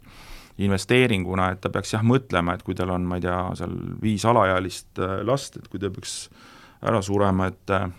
et kui neid siis loetakse kõiki pärijateks, et äh, et see võib, selle varaga tehingute tegemine võib olla ju keeruline, et kui seal on alaealised varaomanikud, siis sa ei saa seda müüa ega pantida ilma, ilma kohtu nõusolekuta, et võib-olla sa, kui sa aktiivne ärilises mõttes oled, et sa võiksid kaaluda testamendi tegemist, on ju, sa võiksid määrata siis mingid varad noh, sellele lapsele, kellest sa näed sellist ettevõtlikkust või, või, või kes seda asja võiks, võiks toimetada või kui ta on täisealine, et, et ta talle ja siis mõned üldse ilma jätta? mõned üldse ilma jätta või määrata astmeliselt, et alguses pärib üks äh, või pärib elukaaslane, aga kui lapsed saavad täisealiseks, siis osa vara liigub näiteks lastele edasi, et et need on need küsimused, mida jah, siis peaks notariga äh, läbi mõtlema aga kui vara on jah, osaühingu nimel, siis tegelikult ei, ei muutugi mitte midagi, et seal päritakse ju neid osaühingu osasid ja see vara kuulub ju sellele juriidilisele isikule ja üürilepingud on sõlmitud selle juriidilise isikuga, et et seal on natuke probleeme vähem, kui surnud on nii-öelda füüsiline isik. ja siis eh, veel üks kuulaja küsimus eh, miks on nii, et sada tuhat eurot maksva autotehingule ja vormistamisele saab anda mobiil-ID allkirja, aga viissada eurot maksva korteri või maalapi pärast peab minema notarisse? Kas on lootust, et see kunagi muutumas, ajastu on ju vastav? nojah, mis see tähendab, et ajastu on vastav, et kas see, et on koroona või see, et äh, inimesed kasutavad palju ID-kaarti? tehnoloogilised. tehnoloogiliselt äh, ja ega me ei tea ju, mida tulevik äh, notariameti suhtes toob mingite aastakümnete, aastakümnete perspektiivis, noh igastahes tegemist väga vana elukutsega, et notarid olid juba vanas äh, Roomas ja ja, ja reeglina noh, oli, oli need inimesed, kes olid kirjaoskajad, on ju siis, et, et notari sõna tuleb sõnast notiits, mis tähendab ju märkust. et ta oli see, kes oskas kirjutada põhimõtteliselt. et, et vanasti kõik ei osanud kirjutada, on ju, et see oli ka oskus. nüüd on olukord parem veidi. jah, et no täna ka enam ei oska, sest kõik kirjutavad arvutiga jaa, kirjatähtedega peab lepingule alla kirjutama, see on mõnes mõttes, mõnes mõttes raske. et eks notarid on jah, püüdnud ajaga selles mõttes kaasas käia ja, ja võimaldada siin võimaldada siis ajastukohaseid teenuseid, et üks on see kaugtõestamine, ma loodan, et me sellest jõuame ka mõne sõna, mõne sõna rääkida, aga iseenesest küsimuse püstitus on hea, et et näiteks lennuk või lennuk, lennuk või auto, et nad võivad olla tõesti varalises mõttes väärtuslikumad kui, kui kinnisvara. ja, ja see on olnud seadusandja valik, on ju, ta on ise, seadusandja seda otsustanud, mitte notarid et millistele varaklassidele äh, nähakse ette, on nähtud ette notariaalse tõestamise nõue. et äh, vallasvara osas äh, notariaalse tõestamise nõuet noh, reeglina ei ole, et ainult suurte merelaevade puhul on see võrdsustus tehtud, et kas seal peab olema omandi üleandmine notariaalselt tõestatud, kuna see on tõesti väärtuslik vara. ehk et kõik see, mis on liikuv vara, seal seadusandja pole noh, üheksakümnendate aasta alguses, kui asjaõigusseadus tuli, on ju, äh, sinna nendele varaklassidele pole seda tõestamise nõuet äh, kehtestanud, kehtestatud. ja, ja miks see nii on, on see, et, äh, et vallasvara võib olla väärtuslik, aga aga ta tegelikult ei kesta kaua, on ju. et ka see noh, kallis auto, sa liisid ta viieks aastaks ja tegelikult annad viie aasta pärast viie aasta pärast tagasi või, või ta võib, või, või ta võib hävineda. et kinnisvara puhul seadusandja on leidnud, et et kinnisvara on äh, ühiskonna seisu, seisukorrast, seisukohast noh, oluline varaklass ja meil on oluline, et, äh, et see kinnisvara käive oleks turvaline, on ju et noh, see on olnud selline õiguspoliitiline valik, et kellegi kinnisvara ära ei ei kandita kõrvale, on ju, mingite lihtkirjalike lepingutega, allkirjad, digiallkirja kuidagi PIN-ide, PIN-ide kasutamisega, et see kinnisvara on inimese jaoks sageli investeering, väärtuslik äh, investeering, see võib olla tema kodu, on ju, et see on olnud seadusandja otsus, et kinnisvaratehingute puhul peab olema notariaalse tõestuse nõue ja notar peab kontrollima siis ka kõiki neid asjaolusid, millest ma rääkisin, et kellele vara kuulub, on ju, kas on ühisvara, lahusvara, et keegi kinnisvara ei saaks õigustamatult äh, käsutada ja see tehing jõuab ka registrisse, kinnistusraamatusse. et, et need kinnistusraamatu andmed oleksid õiged, et notaril on kohustus neid asjaolusid siis äh, äh, kõiki kontrollida, samas siis pakkuda ka klientidele infot, mida meie näeme avalikest registritest, on ta siis kinnistusraamat, ehitusregister, maakataster äh,, et siis jällegi ostjat eelkõige siis informeerida erinevatest äh, asjaoludest ja kokkuvõttes see eesmärk on siis see, et see käive oleks turvaline, inimeste õigused oleks kaitstud, kellegi vara ei võetaks äh, nipsust äh, ära ja, ja et kohtuvaidlusi oleks vähem, mis on ühiskonnale suur kulu. et see on õiguspoliitiline otsus, et selle varaklassi puhul tahetakse, et see käive oleks turvaline ja tõesti, nüüd ole, noh, seadusandja ei ole teinud ka seda valikut, et no aianduskrunte võite müüa ilma notarita, korterit peate müüma koos notariga äh,, kuni hektarist tüki võite müüa ilma notarita, kahe hektarist tüki notariga. et ta ei ole seda asja ajanud äh, ta ei ole seda teinud, ei ole varie-, ei, ei, ole varieerinud neid variante. ta on teinud ühe lihtsa süsteemi, ütleb, et kinnistusraamatusse kantavad objektid kõik peavad käima läbi notarit, ei ole aluseks võtnud vara suurust ega väärtust, et see on olnud selline lihtsuse põhimõte ühesõnaga võib vist kokkuvõtvalt sellele kuulajale öelda, et eh, kui ta ostab kokku odavaid maalappe, siis ta peab iga kord notarisse ikkagi minema. et ei tasu viiesaja euroseid maalappe osta siis? tee suuremaid tehinguid korraga pane null või kaks lõppu ja aga siis eh, veel üks selline üsna konkreetne küsimus eh, meil kuulajalt, et kas saab notariaalselt kinnitada seda, et pensionäril on elamisõigus korteris kuni elu lõpuni ja ostja maksab kulud kuni surmani? Saab küll selliseid kokkuleppeid äh, sõlmida, et siin küsija vist on äh, lugenud Õhtulehte, mis minu, kes, milline siis minust paar nädalat tagasi kirjutas ühest Pärnu prouast, kes äh, siis maakleri kaudu leidis omale ostja, kus ta siis teenis vist ka üle saja tuhande euro, ta oli eakas eakas omanik, kus ta siis leppis kokku ostjaga selles, et et tal on õigus siis elada kuni surmani seal korteris. et noh, ta selles mõttes tegi win-win olukorra, et tal omal lähisugulasi ei olnud, kellele seda korterit, korterit jätta ja, ja pärast oleks selle pärinud võib-olla seal kaugemad sugulased, aga ta tahtis ise hästi elada, on ju e, e. vanaduspäevi veeta, et äh, sõita vajadusel, ma ei tea, Tenerifele talvel puhkama ja siis äh, ja jällegi suvel elad siin, siin Eestis, on ju, Pärnus, Pärnus oli see korter et inimeste moti-, motiivid võivad olla jah, erinevad ja sellist tehingut saab teha, et selles ei ole midagi, midagi, midagi keelatud, et noh, jällegi notar peab selle tehingu tõestama, siis notar peab ikkagi tagama selle, et see seeselamise õigus oleks siis ka tagatud. et see tuleks kanda kindlasti kinnistusraamatusse siis nii-öelda isikliku kasutuse õigusena sest äh, muidu võib ju see ostja selle korteri edasi müüa ja, ja uus ostja ütleb, et kuulge, et kes teie olete, et mind üldse ei huvita, mis te siin olete kokku leppinud. et mis te kunagi olete kokku leppinud, et et selle isikliku kasutusõiguse jätmisel see müüja, noh, ta muutub nagu radiaatoriks korteri seina peal, et ta käib selle korteriga siis kaasas, et kui selliseid tehinguid tehtakse, et see on kindlasti oluline. ja teine, kui siis äh, ostja sai selle korteriga võib-olla odavamana seetõttu, et inimene jäi sisse elama, ta võttis tema ülalpidamiskohustuse endale, et noh, see kindlasti peab olema siis ka selles äh, lepingus kirjas, et milles see ülalpidamiskohustus äh, äh, seisneb. et ma noh, tean Euroopa praktikast, et see on tegelikult ka osaliselt teatud selline äri, ärimudel, et ongi sellele spetsialiseerinud, spetsialiseerunud ettevõtted, kes ongi valmis omandama eakate inimeste kinnisvara selle perspektiiviga, et ta noh, läheb järjest kallimaks ja, ja samas äh, inimene saab omale rahalisi vahendeid, et ennast ülal pidada, aga samas äh, need ostjad ei ole ka kuidagi pahatahtlikud, et see ongi nende deklareeritud ärimudel, et et nad siis äh, säilitavad õiguse seda korterit surmani kasutada ja ja kas sinna tuleb juurde siis veel mingi hooldusteenuse komponent, et äh, see on siis kokkuleppimise küsimus. meil ei ole need tehingud tegelikult äh, levinud äh,, meil on levinud nad peresiseselt, et vanaema kirjutab korteri lapselapse nimele, jätab endale seeselamisõiguse ja lapselaps peab teda ülal pidama, et selliseid peresiseseid nii-öelda kinketehinguid äh, kindlasti tehtakse rohkem kui, kui selliseid ärilistel kaalutlustel tehinguid. ja, ja see, kes siis selle niimoodi ostab, selle vara, siis peab olema tõesti ka müüja silmis selline usaldusväärne, et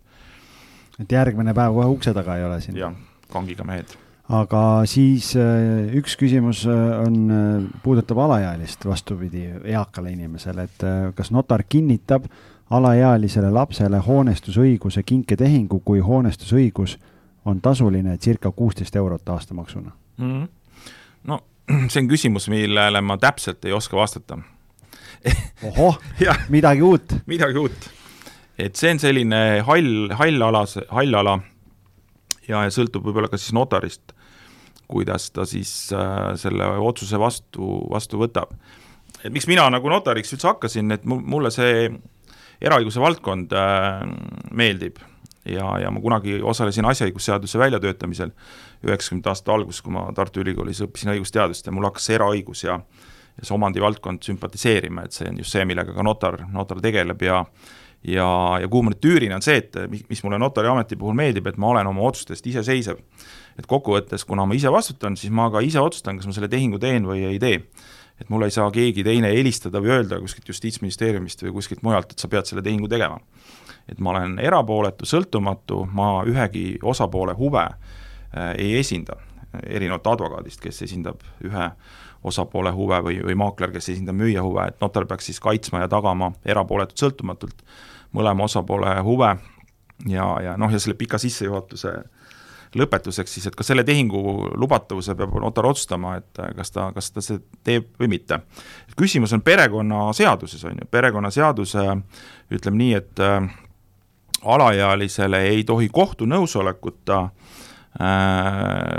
alaealise nimel ei või siis tema vanemad, kes teda esindavad, antud juhul ka, et tema vanemad saaksid tema esindajatena sellise tehingu teha äh,, et äh, vanemad võivad alaealise nimel siis äh, ilma kohtu nõusolekuta teha ainult äh, vara tasuta omandamisele suunatud tehinguid, on ju. noh,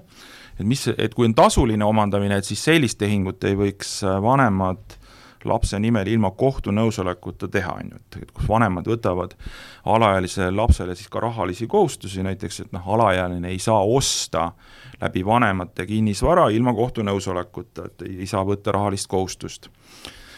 et tasuta omandamine on siis eelkõige mõeldud kinkelepingut, on ju, kus äh, see, kes selle vara saab, antud juhul laps, ei peaks siis ju midagi maksma, on ju. ja, ja, ja kinkelepinguid võiks siis alaealise lapse nimel teha, vanemad talle seda vara kinke teel omandada, näiteks vanavanemalt, äh, ja, ja ka kinkelepingu puhul on olnud see vaidlus, et mis see tähendab, tasuta võib omandada alaealisele lapsele vara ilma kohtu nõusolekuta. ta peab hakkama ju järgmine aasta maksma maamaksu, on ju. ta peab maksma kommunaalkulusid. et äh, need juriidilises mõttes on ju selle alaealise lapsele võetud kohustused, et sul iga kuu tuleb üle viiesaja eurone kommunaalkulude arve selle alaealise nimele ja ja maamaksuteade, et siin on äh, Riigikohus selle asja paika pannud, et ta ütle, ta on öelnud, et äh, jaa, et kinke puhul alaealisele lapsele võivad kaasneda talle tõesti need igasugused maksud ja kommunaalkulud, aga siiski sellise kinketehingu võib teha äh, ilma kohtu nõusolekuta, see, see kinketehing iseenesest on tasuta tehing, et et see vara, vara omandaja ei võlgne midagi. Ja, ja see oli ka hall ala natukene, mille, mille kohtupraktika on paika pannud. nüüd see, kus oli küsimus selles, et ta Äh, saab äh, küll tasuta hoonestusõiguse, aga see hoonestaja peab maksma ikkagi iga-aastaselt kas või kuusteist eurot, et äh, noh, mina selle tehingu puhul enam nüüd, nüüd nii kindel ei ole, et, et see on nagu tasuta, tasuta omandamine, et minu arust see hoonestusõiguse tasu on ikkagi, et ta ei ole päris nagu kommunaalkulu või maamaks, et ta on ikkagi noh, tea-, ongi ikkagi rahaline kohustus, mis tuleb sellest vara omandamisest, et äh, ma ei tea, mina sellist tehingut tõenäoliselt täna ei tõestaks, kui kohus ei ole seda olukorda selgitanud. ühesõnaga väga,, väga-väga peen juriidika on see. Läksime vist natuke ja. pikale tõesti, et aga võib-olla mõni ja, notar leiab, et, äh, et ta julgeks seda teha, et äh, eesmärk on ju tagada see, et see tehinguks kehtib, on ju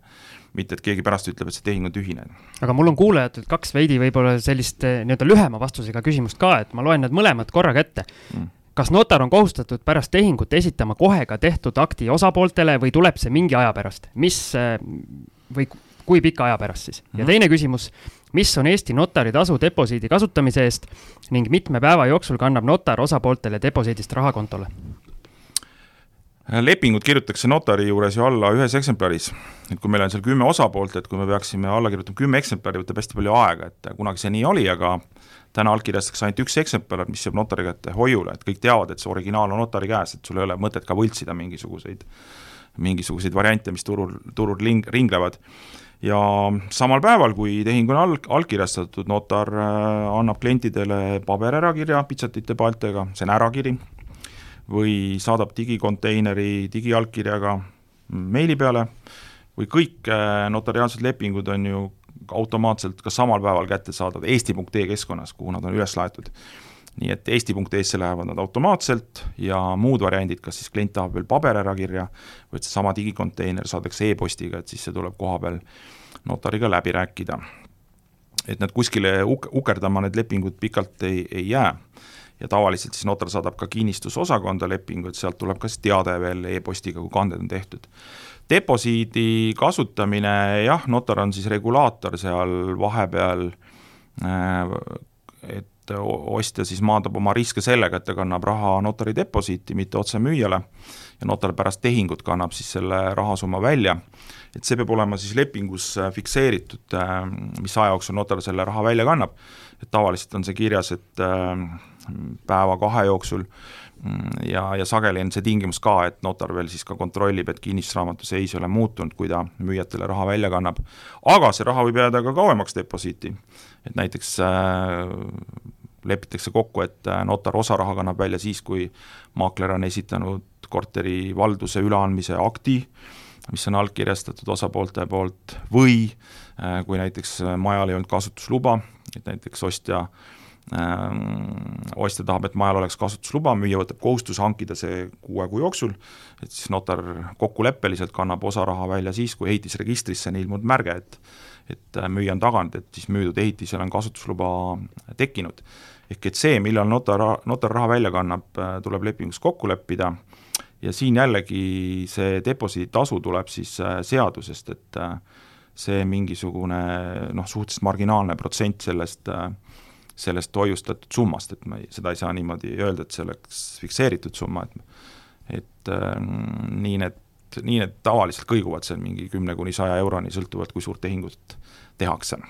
Ja veel üks äh, üsna konkreetne küsimus, et kas lärmakad naabrid võivad olla varjatud puuduseks? Ja mis õigused on nõuda varjatud puuduse kompenseerimist, äh, kui korterit üle andes on kirjutatud alla üleandmis vastuvõtmisaktile, et äh, ei ole pretensioone? Mm? -hmm no seda lärmakate naabrite teemat on siin kohtupraktikas käsitletud, et et see kohtupraktika on olnud siin natukene, natukene ka hujuv, ujuv, aga üldine seisukoht äh, täna ütleme, Riigikohtu praktikas on olnud, olnud see, et et kõik olulised asjaolud selle korteri või maja puhul, mis väljuvad siis äh, nagu tavaolukorrast, on ju äh,, võivad olla varjatud puudused ja müüja peaks neist asjaoludest äh, informeerima, et Riigikohus on siin üle, üles loetnud, et näiteks korteriühistu ei toimi, võib olla varjatud puudus, kas ühistul on võetud suur laen ja sellest ei teavitata ostjat, on varjatud puudus, tänapäeval isegi, kui seal kasutatakse seda lühiajalist üüriteenust, Airbnb-d, ja sellest ei teavitata ostjat ja see, sellest tuleb lärm, on ju, see ei pruugi ainult naaber olla, et ka see võib olla varjatud puudus ehk et ja, ja ka närilised näiteks, kui jätad teavitada, et sul on rotid tarakanid majas või korteris, kas see võib olla varjatud puudus? ehk et pigem nagu kohtupraktika on läinud selles suunas, et, et ta kast-, kaitseb siin ostjat, on ju. et müüja asi on lepingus äh, ja maakleri asi ka, äh, tagada, et sinna, sinna jõuaksid äh, kõik oluline info ka lepingusse kirja, mis hälvib nagu tavapärasest olukorrast, on ju. et see võetakse aluseks see nii-öelda äh, noh, standardolukord, kuidas me tahaksime mingit korterit osta, mis, mida me eeldame, et on tema tema, tema omadused, on ju, et kui, kui on sellest standardist hälvivad äh, mingisugused tunnused, siis, äh, siis tuleks sellest ostjat teavitada. noh, kui meil on korteriühistus, me eeldame, et see toimib, on ju. kui ei toimi, tuleb öelda, et tegelikult ei toimi, et juhatust ei ole, on ju. või et laen on võetud, et siis, siis see tõstab ju maksukoormust, on ju. et, et üldiselt ka varjatud puuduseks loetakse jah, ülemääral ärmakaid naabreid, mis annab siis võimaluse ka teatud eh, nii-öelda nõudeid esitada pärast müüjale. see, kui me tegime lihtsalt üleandmisakti, see tähendab, et me vaatasime ta visuaalselt äh, tollel hetkel üle ja, ja üleandmisaktis fikseeritakse ka veel need mõõdikute näidud, on selge, et nüüd läks riisikud üle ja müüja peab kandma kulud selle ajani. et see, et aktis öeldakse, et mul täna mingeid nõudeid ja pretensioone ei ole, ei võta ostjal võimalust neid nõudeid esitada siis hiljem on ju, sest et äh, müüja ikkagi vastutab kõigi nende puuduste eest, mi-, mi-, mis ilmnevad ka hiljem, mida ta pidi siis müügihetkel teadma või teadis, on ju. ja see on siis tõendamise küsimus. et see akt ja see kinnitus iseenesest ostjalt neid nõudeid ära ei võta no väga ad-, adek-, aktuaalne teema selles suhtes, et ma just eile tegelesin selle küsimusega, et üks korter, mille ma siin paar kuud tagasi müüsin, äh, nüüd ostja on teinud remonti paar kuud selles korteris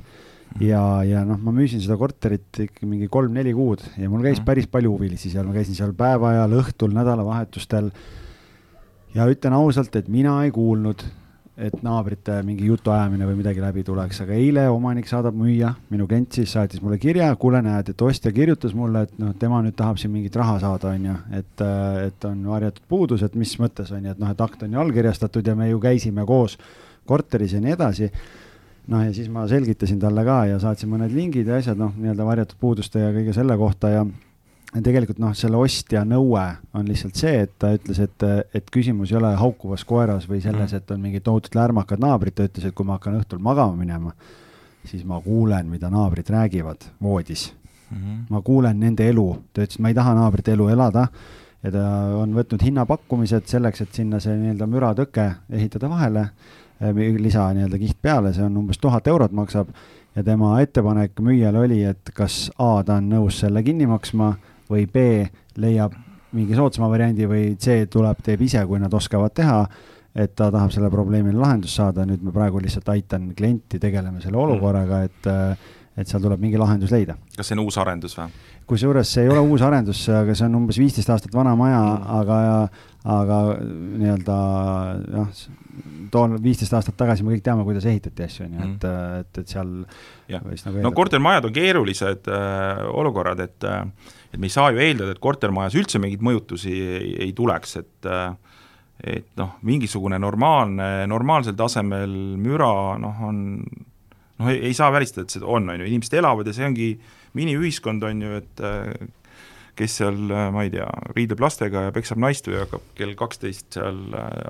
klaverit mängima. klaverit mängima, et noh, kui on sellised tavaolukorrast hälbivad asjad, mis, mis väljub nagu sellistest nagu normaalsest äh, mõistlikust äh, olukorrast, et see on see, just see, see, see mõi-, mõistlikkus ja ja, ja, ja siis noh, no sellest normaalsusest vä-, väljuv, on ju, et kui sa sellest jätad ostjat informeerimata ja, ja see sind ennast ka häiris, on ju, ja, ja ostjale ei ütle, et kuule, et iga õhtu kuulen seda naabri juttu, et siis meie Riigikohtu praktika on su-, pigem nagu jah, ostjat hakanud kaitsma, et see oli müüja probleem, et ta seda varjas, on ju ja võib saada siis, siis õiguskaitsevahenditega vastu pead. noh, mina maaklerina alati, kui ma tean, mina saan ju müüa selle info baasil, mis mulle müüja annab, et kui ma tean, siis ma alati selgitan ka selles mõttes, et mulle, mul ei ole müügikorterite puhul ei olegi olnud ja see on aastate jooksul üldse esimene kord, kus, kus mingi ostja nii-öelda äh, tuleb nüüd mingi varjatud puudusega, aga üürikorteri puhul näiteks ükskord oli küll niimoodi, et äh, leidsime üürniku üürnik järgmine päev helistab mulle, kuule, ma ei saa elada, sellepärast et naabri nii-öelda köögiseina tagant tuleb nii kõva muusika ja siis äh, lihtsalt äh, omanik lihtsalt äh, ehitaski seina vahele sinna, et ja üürnik jäi edasi. No see võib olla ka küsimus sellest, et sellele mingit maja kodukorda rikutakse, on ju, et kui sul on ikkagi öörahu, on ju, siis kui sa paned ikka maki põhja, on ju, siis võid ükskõik kui hea sei-, hea seinad olla või palju soojust pandud, et ta ta ikka tuleb läbi, et see ei ole veel varjatud puudus, et see tähendab, et see inimene lihtsalt ei järgi ühiskonna no, reegleid. enam-vähem mingi vana inimese Vikerraadio mängis ja reaalselt kostus läbi nagu. no see on hull asi, jah. Aga äkki lähekski nüüd äh, selle nii-öelda kaugtõestamise juurde, et mm -hmm. kui palju tehinguid tänapäeval tehakse kaugtõestamisega ja kas ühel hetkel saab see nagu uueks normaalsuseks ja ma ütlen siia vahele, et minul on täna elu esimene kaugtõestusega notar, et ma saan selle kogemuse siis kätte. ma mõtlesin, miks sul niisugune külm higi on otsa ees. no vot ma ei tea, kas Algis on teinud, on, sinu Kui, kliendid on teinud? minu kliendid on teinud, aga, aga kahju, jah, iseendal kahjuks ei ole seda. no vot, ma saan enne Algis selle ära tehtud. ma tegelikult, äh, mul oli, me ostsime ühe korteri kaugtõestusega, aga ma kaotasin oma ID-kaardi PIN-koodid ja asjad ära ja ma ei mm. saanud ise teha, et mul äripartner osales tehingus. jah, praktikas juhtumeid, kus kus osapool, kas tal ei ole kodus siis piisavalt head arvutit või internetiühendust või tal ei ole üldse seda kaamera silma vanale arvutile, et siis, siis osad kliendid on läinud ka maakleri büroosse, maakler aitab siis tal selle videosilla üles panna ja maakler siis võib ka seal seal kõrval äh, ju, ju olla. Ja tegelikult saab ka maakleri panna notar sinna osalejaks, et äh, ta lihtsalt pärast äh, ei anna maaklerile allkirjastamise õigust, et ta selles videosillas saab iseenesest osaleda, no, no räägime siis kaugtõestamisest äh, no see on teema, millest võiks väga pikalt rääkida, et see, see tuli ju, ju kevadel, eelmise aasta kevadel. ülihea ajastus oli see. see oli hea ajastus, aga see ei olnud kuidagi seotud äh, koroonaga, et see jõustus veebruaris kaks tuhat kakskümmend, see seaduse muudatus ja, ja, ja miks äh, noh, Notarite Koda ja Justiitsministeerium sellega üldse tegeles, tegelikult oli see seotud idufirmade probleemiga ja nende startup idega, kes olid hädas sellega, et nende investorid on kuskil mööda maailma laiali, kuskil Londonis ja kus, kus iganes, ja meie siis see osaühingu osade võõrandamise regulatsioon ju eeldas seda, et see on tehtud Eesti notari juures, see see tehing, kui sa tahad noh, tulla osanikuks või väljuda sealt. ja, ja või siis peaks tegema volikirju, on ju, ja keegi sind Eestis esindab, et eesmärk oli hakata kuskilt vaikselt pihta selle kaugtõestamisega ja, ja alguses oligi seadus, nägi ette, et võib teha ainult pärimisasju ja osaühingu osade võõrandamisi aga juhtus nii, et seadusesse oli jäetud siis võimalus, et justiitsminister võib laiendada kaugtõestatavate toimingute loetelu ja siis, kui see süsteem siin veebruaris äh, algeliselt siin käivitus ja tuli koroona, siis minister äh, laiendas ja ütles, et kõiki asju saab teha kaugtõestamisel, kaasa arvatud kinnisvara, kinnisvaratehinguid, ja on ainult üks asi, mida ei saa arvuti kaudu siis notari juures teha, on, mis te arvate? surmatõendile alla kirjutamine ei saa lahutada ega abielu sõlmida, et, et seda ei saa teha kaugtõestamise teel. et see on ainuke erand. et seal peab siis kohale tulema isiklikult? jaa, et see on notar selline... vaatab, kui suur kirg laua taga on, et no et arvuti kaudu abiellumine, see tundub nagu pentsik tõenäoliselt seal. on Las Vegas. nii, aga jah, eks siis läks kiireks sebimiseks, et hakati ostma neid igasuguseid seadmeid ja klappe ja ja, ja nagu kõik, kes siin äh, kodutöölegi läksid ja inimesed olid ju kevadel äh, tõesti reaalselt ka luku taga, et äh, isegi Muhumaalt ja Saaremaalt sa ei saanud ju, ju tulla mandrile tehingut tegema või inimesed olid kin-, kin-, kinni kuskil Soomes või või teistes riikides lennukid ei lennanud ju noh, üldsegi mitte, et see oli tõesti see oli tõesti selline abi, abi, abivahend, et see tsiviilkäive meil ei äh, peatunud äh,, nii nagu ta paljudes teistes riikides äh, mingiks perioodiks kevadel, kevadel juhtus. et väga palju tehtigi kaugtestimise kaudu kevadel just volikirju, et sa volitasid kedagi ennast, enda eest siis Eestis esindama. ja, ja see inimeste jaoks selles mõttes tõesti mugav, et äh, kui sa oled Austraalias, on ju, et siis sa pead minema Austraalias notari juurde, tegema volikirja, siis sellele apostilli külge panema, saatma Eestisse, on ju, et see kõik võtab see aega ja raha. kaks kuud tuleb et, et täna notar saab sinuga Austraalias seal äh, luua videosilla või ükskõik, kus sa siis ka oled ja siis teha kaugtõestamise teel näiteks volikirja, et keegi siis Eestis sind kohapeal esindab, et jäävad ära igasugused kohalikud notarid ja apostillid ja tõlked, et äh, see on suur, suur leevendus siiamaani. aga kuidas see osakaal on praegu, et kui palju siis tänaseks nii-öelda, kui, kui saab käia notaris jälle, et, et kui palju tehakse? No kevadel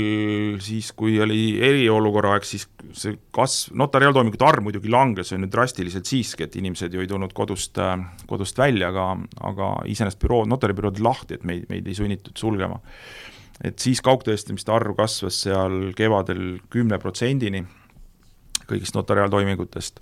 suvel, kui see olukord äh, leevenes, siis ta kukkus sinna kuskile kahe protsendi peale tagasi, et et iseenesest äh, noh, sageli inimeste ja ka notari jaoks on äh, on, ma ei, ma ei ütleks lihtsam, aga, aga ikkagi parem, kui need inimesed on ümber laua ja arutavad selle koos läbi ja, ja vaatavad üksteise silma sisse, on ju, ja tunnetavad neid asjaolusid, asjaolusid ühiselt ja, ja notar ka näeb, et kas inimene saab aru või ta ei saa, on ju. või, või, või kas või see, et kas ta noh, on purjus või mitte, et noh, seda ma ei saa videosilla kaudu lõhnasid ei tunne, et äh, lihtsalt vaatad,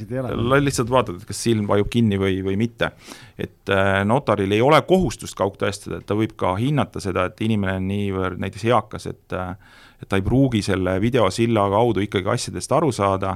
ja kui mul on ekraanil näiteks seal neli-viis inimest, on ju, ma pean seda teksti lugema ja kerima, sama peal ma, samal ajal ma peaksin jälgima neid inimesi, et äh, kas nad saavad aru, kas keegi, noh, tehingus ma näen, kui inimene kergitab kulmu, et tal midagi jäi arusaamatuks, et siis me tuleme tagasi asjale ja ja inimesed saavad vahetult üksteisega neid asju läbi rääkida. et kaugtõestamise probleemid on jah see, et et sa ei pruugi kõiki tehinguosalisi noh, üheaegselt hoomata, ka neid emotsioone, ja vahest juhtub ka see, et ta noh, on vahepeal ära kadunud, on ju, ta side on katkenud, hangunud, ta ei kuule, ei näe enam ja siis tuleks nagu uuesti alustada selle seansiga, jälle uuesti pihta hakata, et äh, selle kaugtõestamise puhul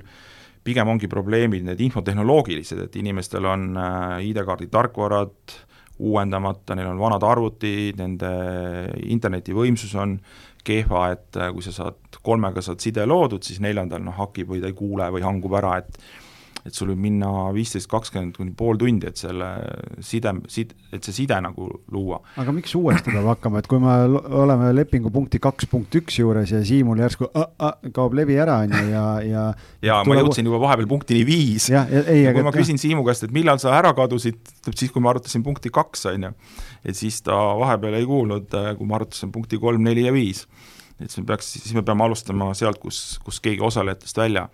välja langes, et noh, see tõestamise eeldus on see, et ta on sama, mis laua taga, et kõik üheaegselt tajuvad, arutavad läbi, saavad ühtemoodi aru, kergitavad kulmu, siis notar küsib, et miks sa kulmu kergitad, on ju, kas midagi jäi arusaamatuks, et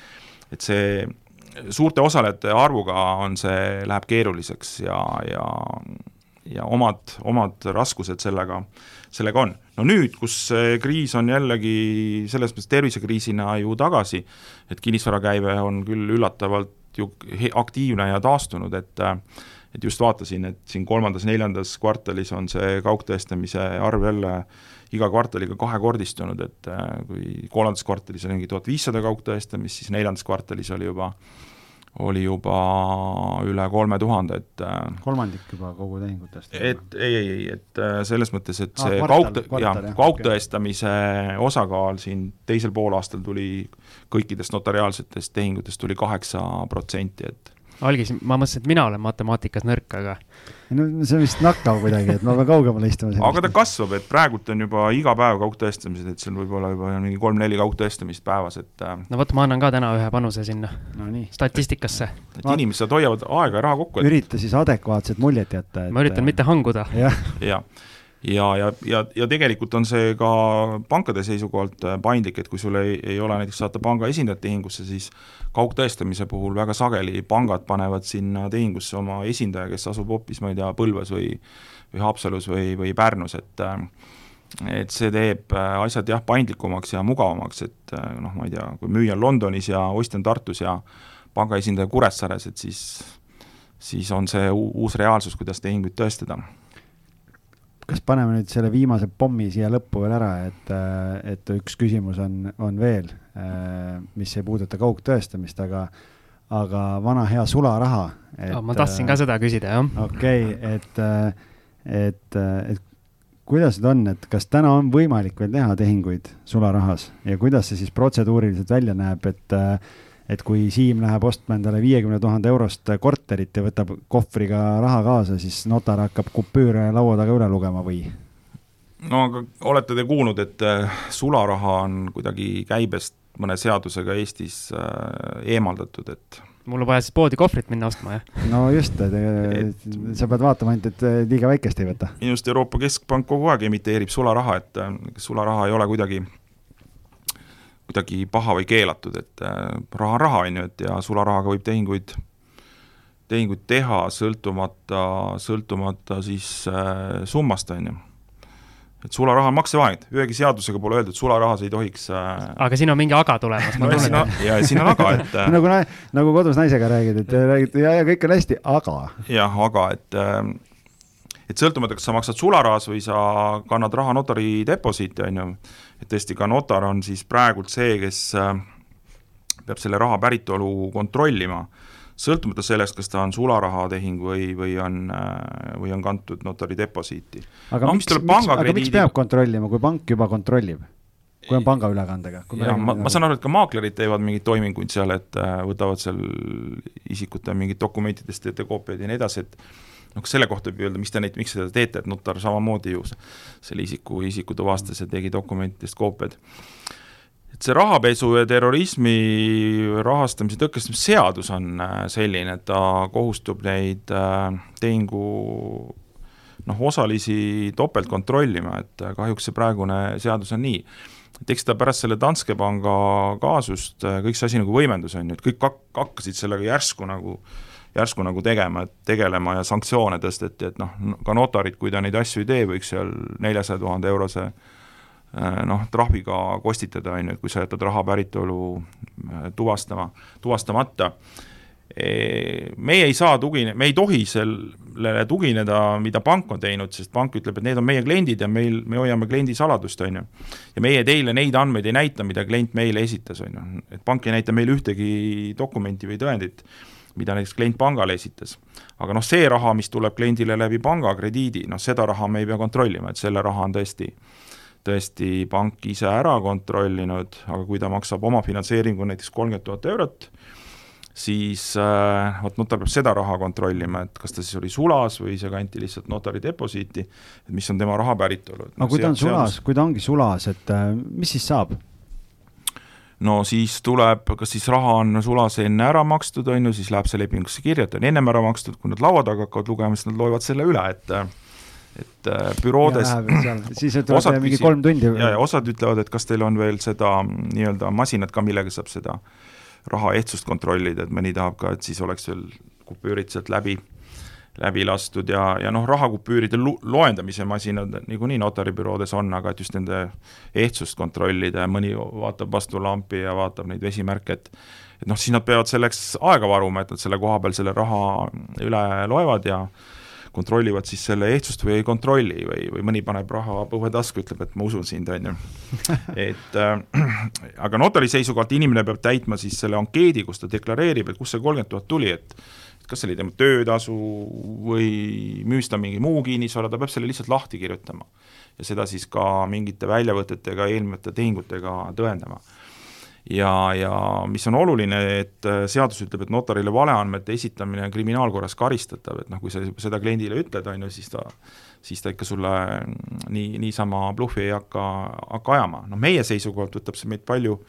palju aega ja ressurssi, et noh, pangad näiteks on oma teenustasusid siin tõstnud viitega sellele, et me peame tegelema rahapesuvastase võitlusega ja me oleme võtnud tööle kümneid-kümneid inimesi, et et notaribürood äh, peavad tegema sedasama, aga noh, meie teenused, tasud sellest, äh, sellest ei, ei sõltu. aga mul on üks küsimus siia vahele, et kui nüüd inimene nii-öelda notarile ütleb, et jah, et see oli näiteks minu töötasu ja mm. tegelikkus on see, et see raha on nii-öelda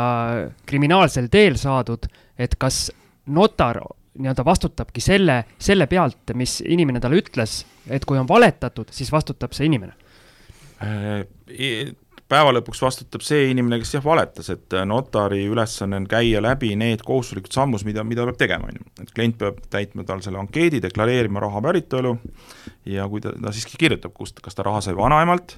siis notar ütleb, näita mulle seda üle, ülekannet, kus vanaema selle sulle kandis, selle raha või kui sa müüsid eelmise kinnisvara, siis saada mulle see leping, kus sa selle müüsid. et noh, niimoodi me peame selle raha ära katma mingite tõenditega, on ju kinnisvaraettevõtete puhul või tähendab, ettevõtete puhul, kes vara ostavad, me vaatame majandusaasta aruannet, et äh, kui ta ütleb mulle, et äh, tulu tuleb majandustegevusest kakssada tuhat eurot, on ju, siis vaatad, et eelmise aasta majandusaruanne näitab äh, miinus, miinus kaks tuhat, on ju, et siis midagi ei, midagi ei klapi, on ju et noh, notar peab olema ise veendunud, et ta need sammud täitis ära adekvaatselt ja õigesti, sest kui meie suhtes teot-, teostaks järelevalvet ja selgub, et ma neid samme ei teinud, siis äh, noh, ka notar võib saada tutistada ja trahvi ja lõpuks ka ametist, ametist lahti, et see on nagu tänane reaalsus. Aga nüüd sularaha puhul ikkagi üks aga on ju, et, et kuigi te maksite sularahas, et kui te teete seal üle kolmekümne tuhande eurost sularahatehingu, et siis notar peab teavitama sellest ka rahapesu andmebürood ja, ja, ja, ja, ja sealt lihtsalt... võib tulla siis veel täiendavalt äh, küsimusi? see noh, see on pärast tehingut, on ju, et see tehing on tehtud äh, ja kui osalejad ei ole riikidest, mis on nii-öelda punased riigid, on ju, mis on kantud äh, nii-öelda riikide nimekirja, mille, mille kodanike puhul noh, ei tohigi tehinguid teha või peab olema, osade riikide kodanike puhul peab alati saatma teate rahapesu andmebüroole õnneks neid praegusel ajal väga palju ringi siin ei, ei, ei liigu, et ei, ei ole kodanikke seal nii-öelda pu-, punase, punasesse riikide listi pandud riikidest. Et noh, see, see varieeruvad need abinõud, on ju, et millal, millal notar peab teavitama rahapesu andmebürood, aga su-, sularahatehingute puhul pärast tehingut tuleb see teade saata ja see ei tähenda seda, et see sularaha oli ebal-, noh, et oli illegaalne, on ju, et me, me ei saa eeldada, et sularaha on illegaalne. Et mida siis rahapesu andmebüroo selle teatega teeb, kas ta paneb selle lihtsalt omale nii-öelda tallele ja kui ta näeb juba aasta jooksul, et tuleb kogu aeg mingeid teateid, siis tekib mingisugused seosed, on ju et, et, et, et eks nad, eks nad koguvad seda, seda infot, et iga see teade ei tähenda, et äh, rahapesu andmebüroo selle tehingu suhtes viib läbi mingisuguseid eritoiminguid. kui Mati käib kümme korda aastas notaris, iga kord on kolmkümmend tonni on nagu sullis, siis tekib küsimus jah ja,, et just, kust, kust see tuleb. et, et siis tõ, tõenäoliselt kõrgendatakse tähelepanu, on ju, et, et aga ikkagi moraal on selles, et sularahatehingud pole, pole, pole keelatud. ja, ja muidugi, kus me peame olema jällegi rohkem tähelepanelikud, on need, kui raha tuleb välismaa pangast notari deposiit, et et seda püütakse ju ka äh, raha, raha pesemisel kasutada, et sa, sa kannad äh, raha, ma ei tea, kuskilt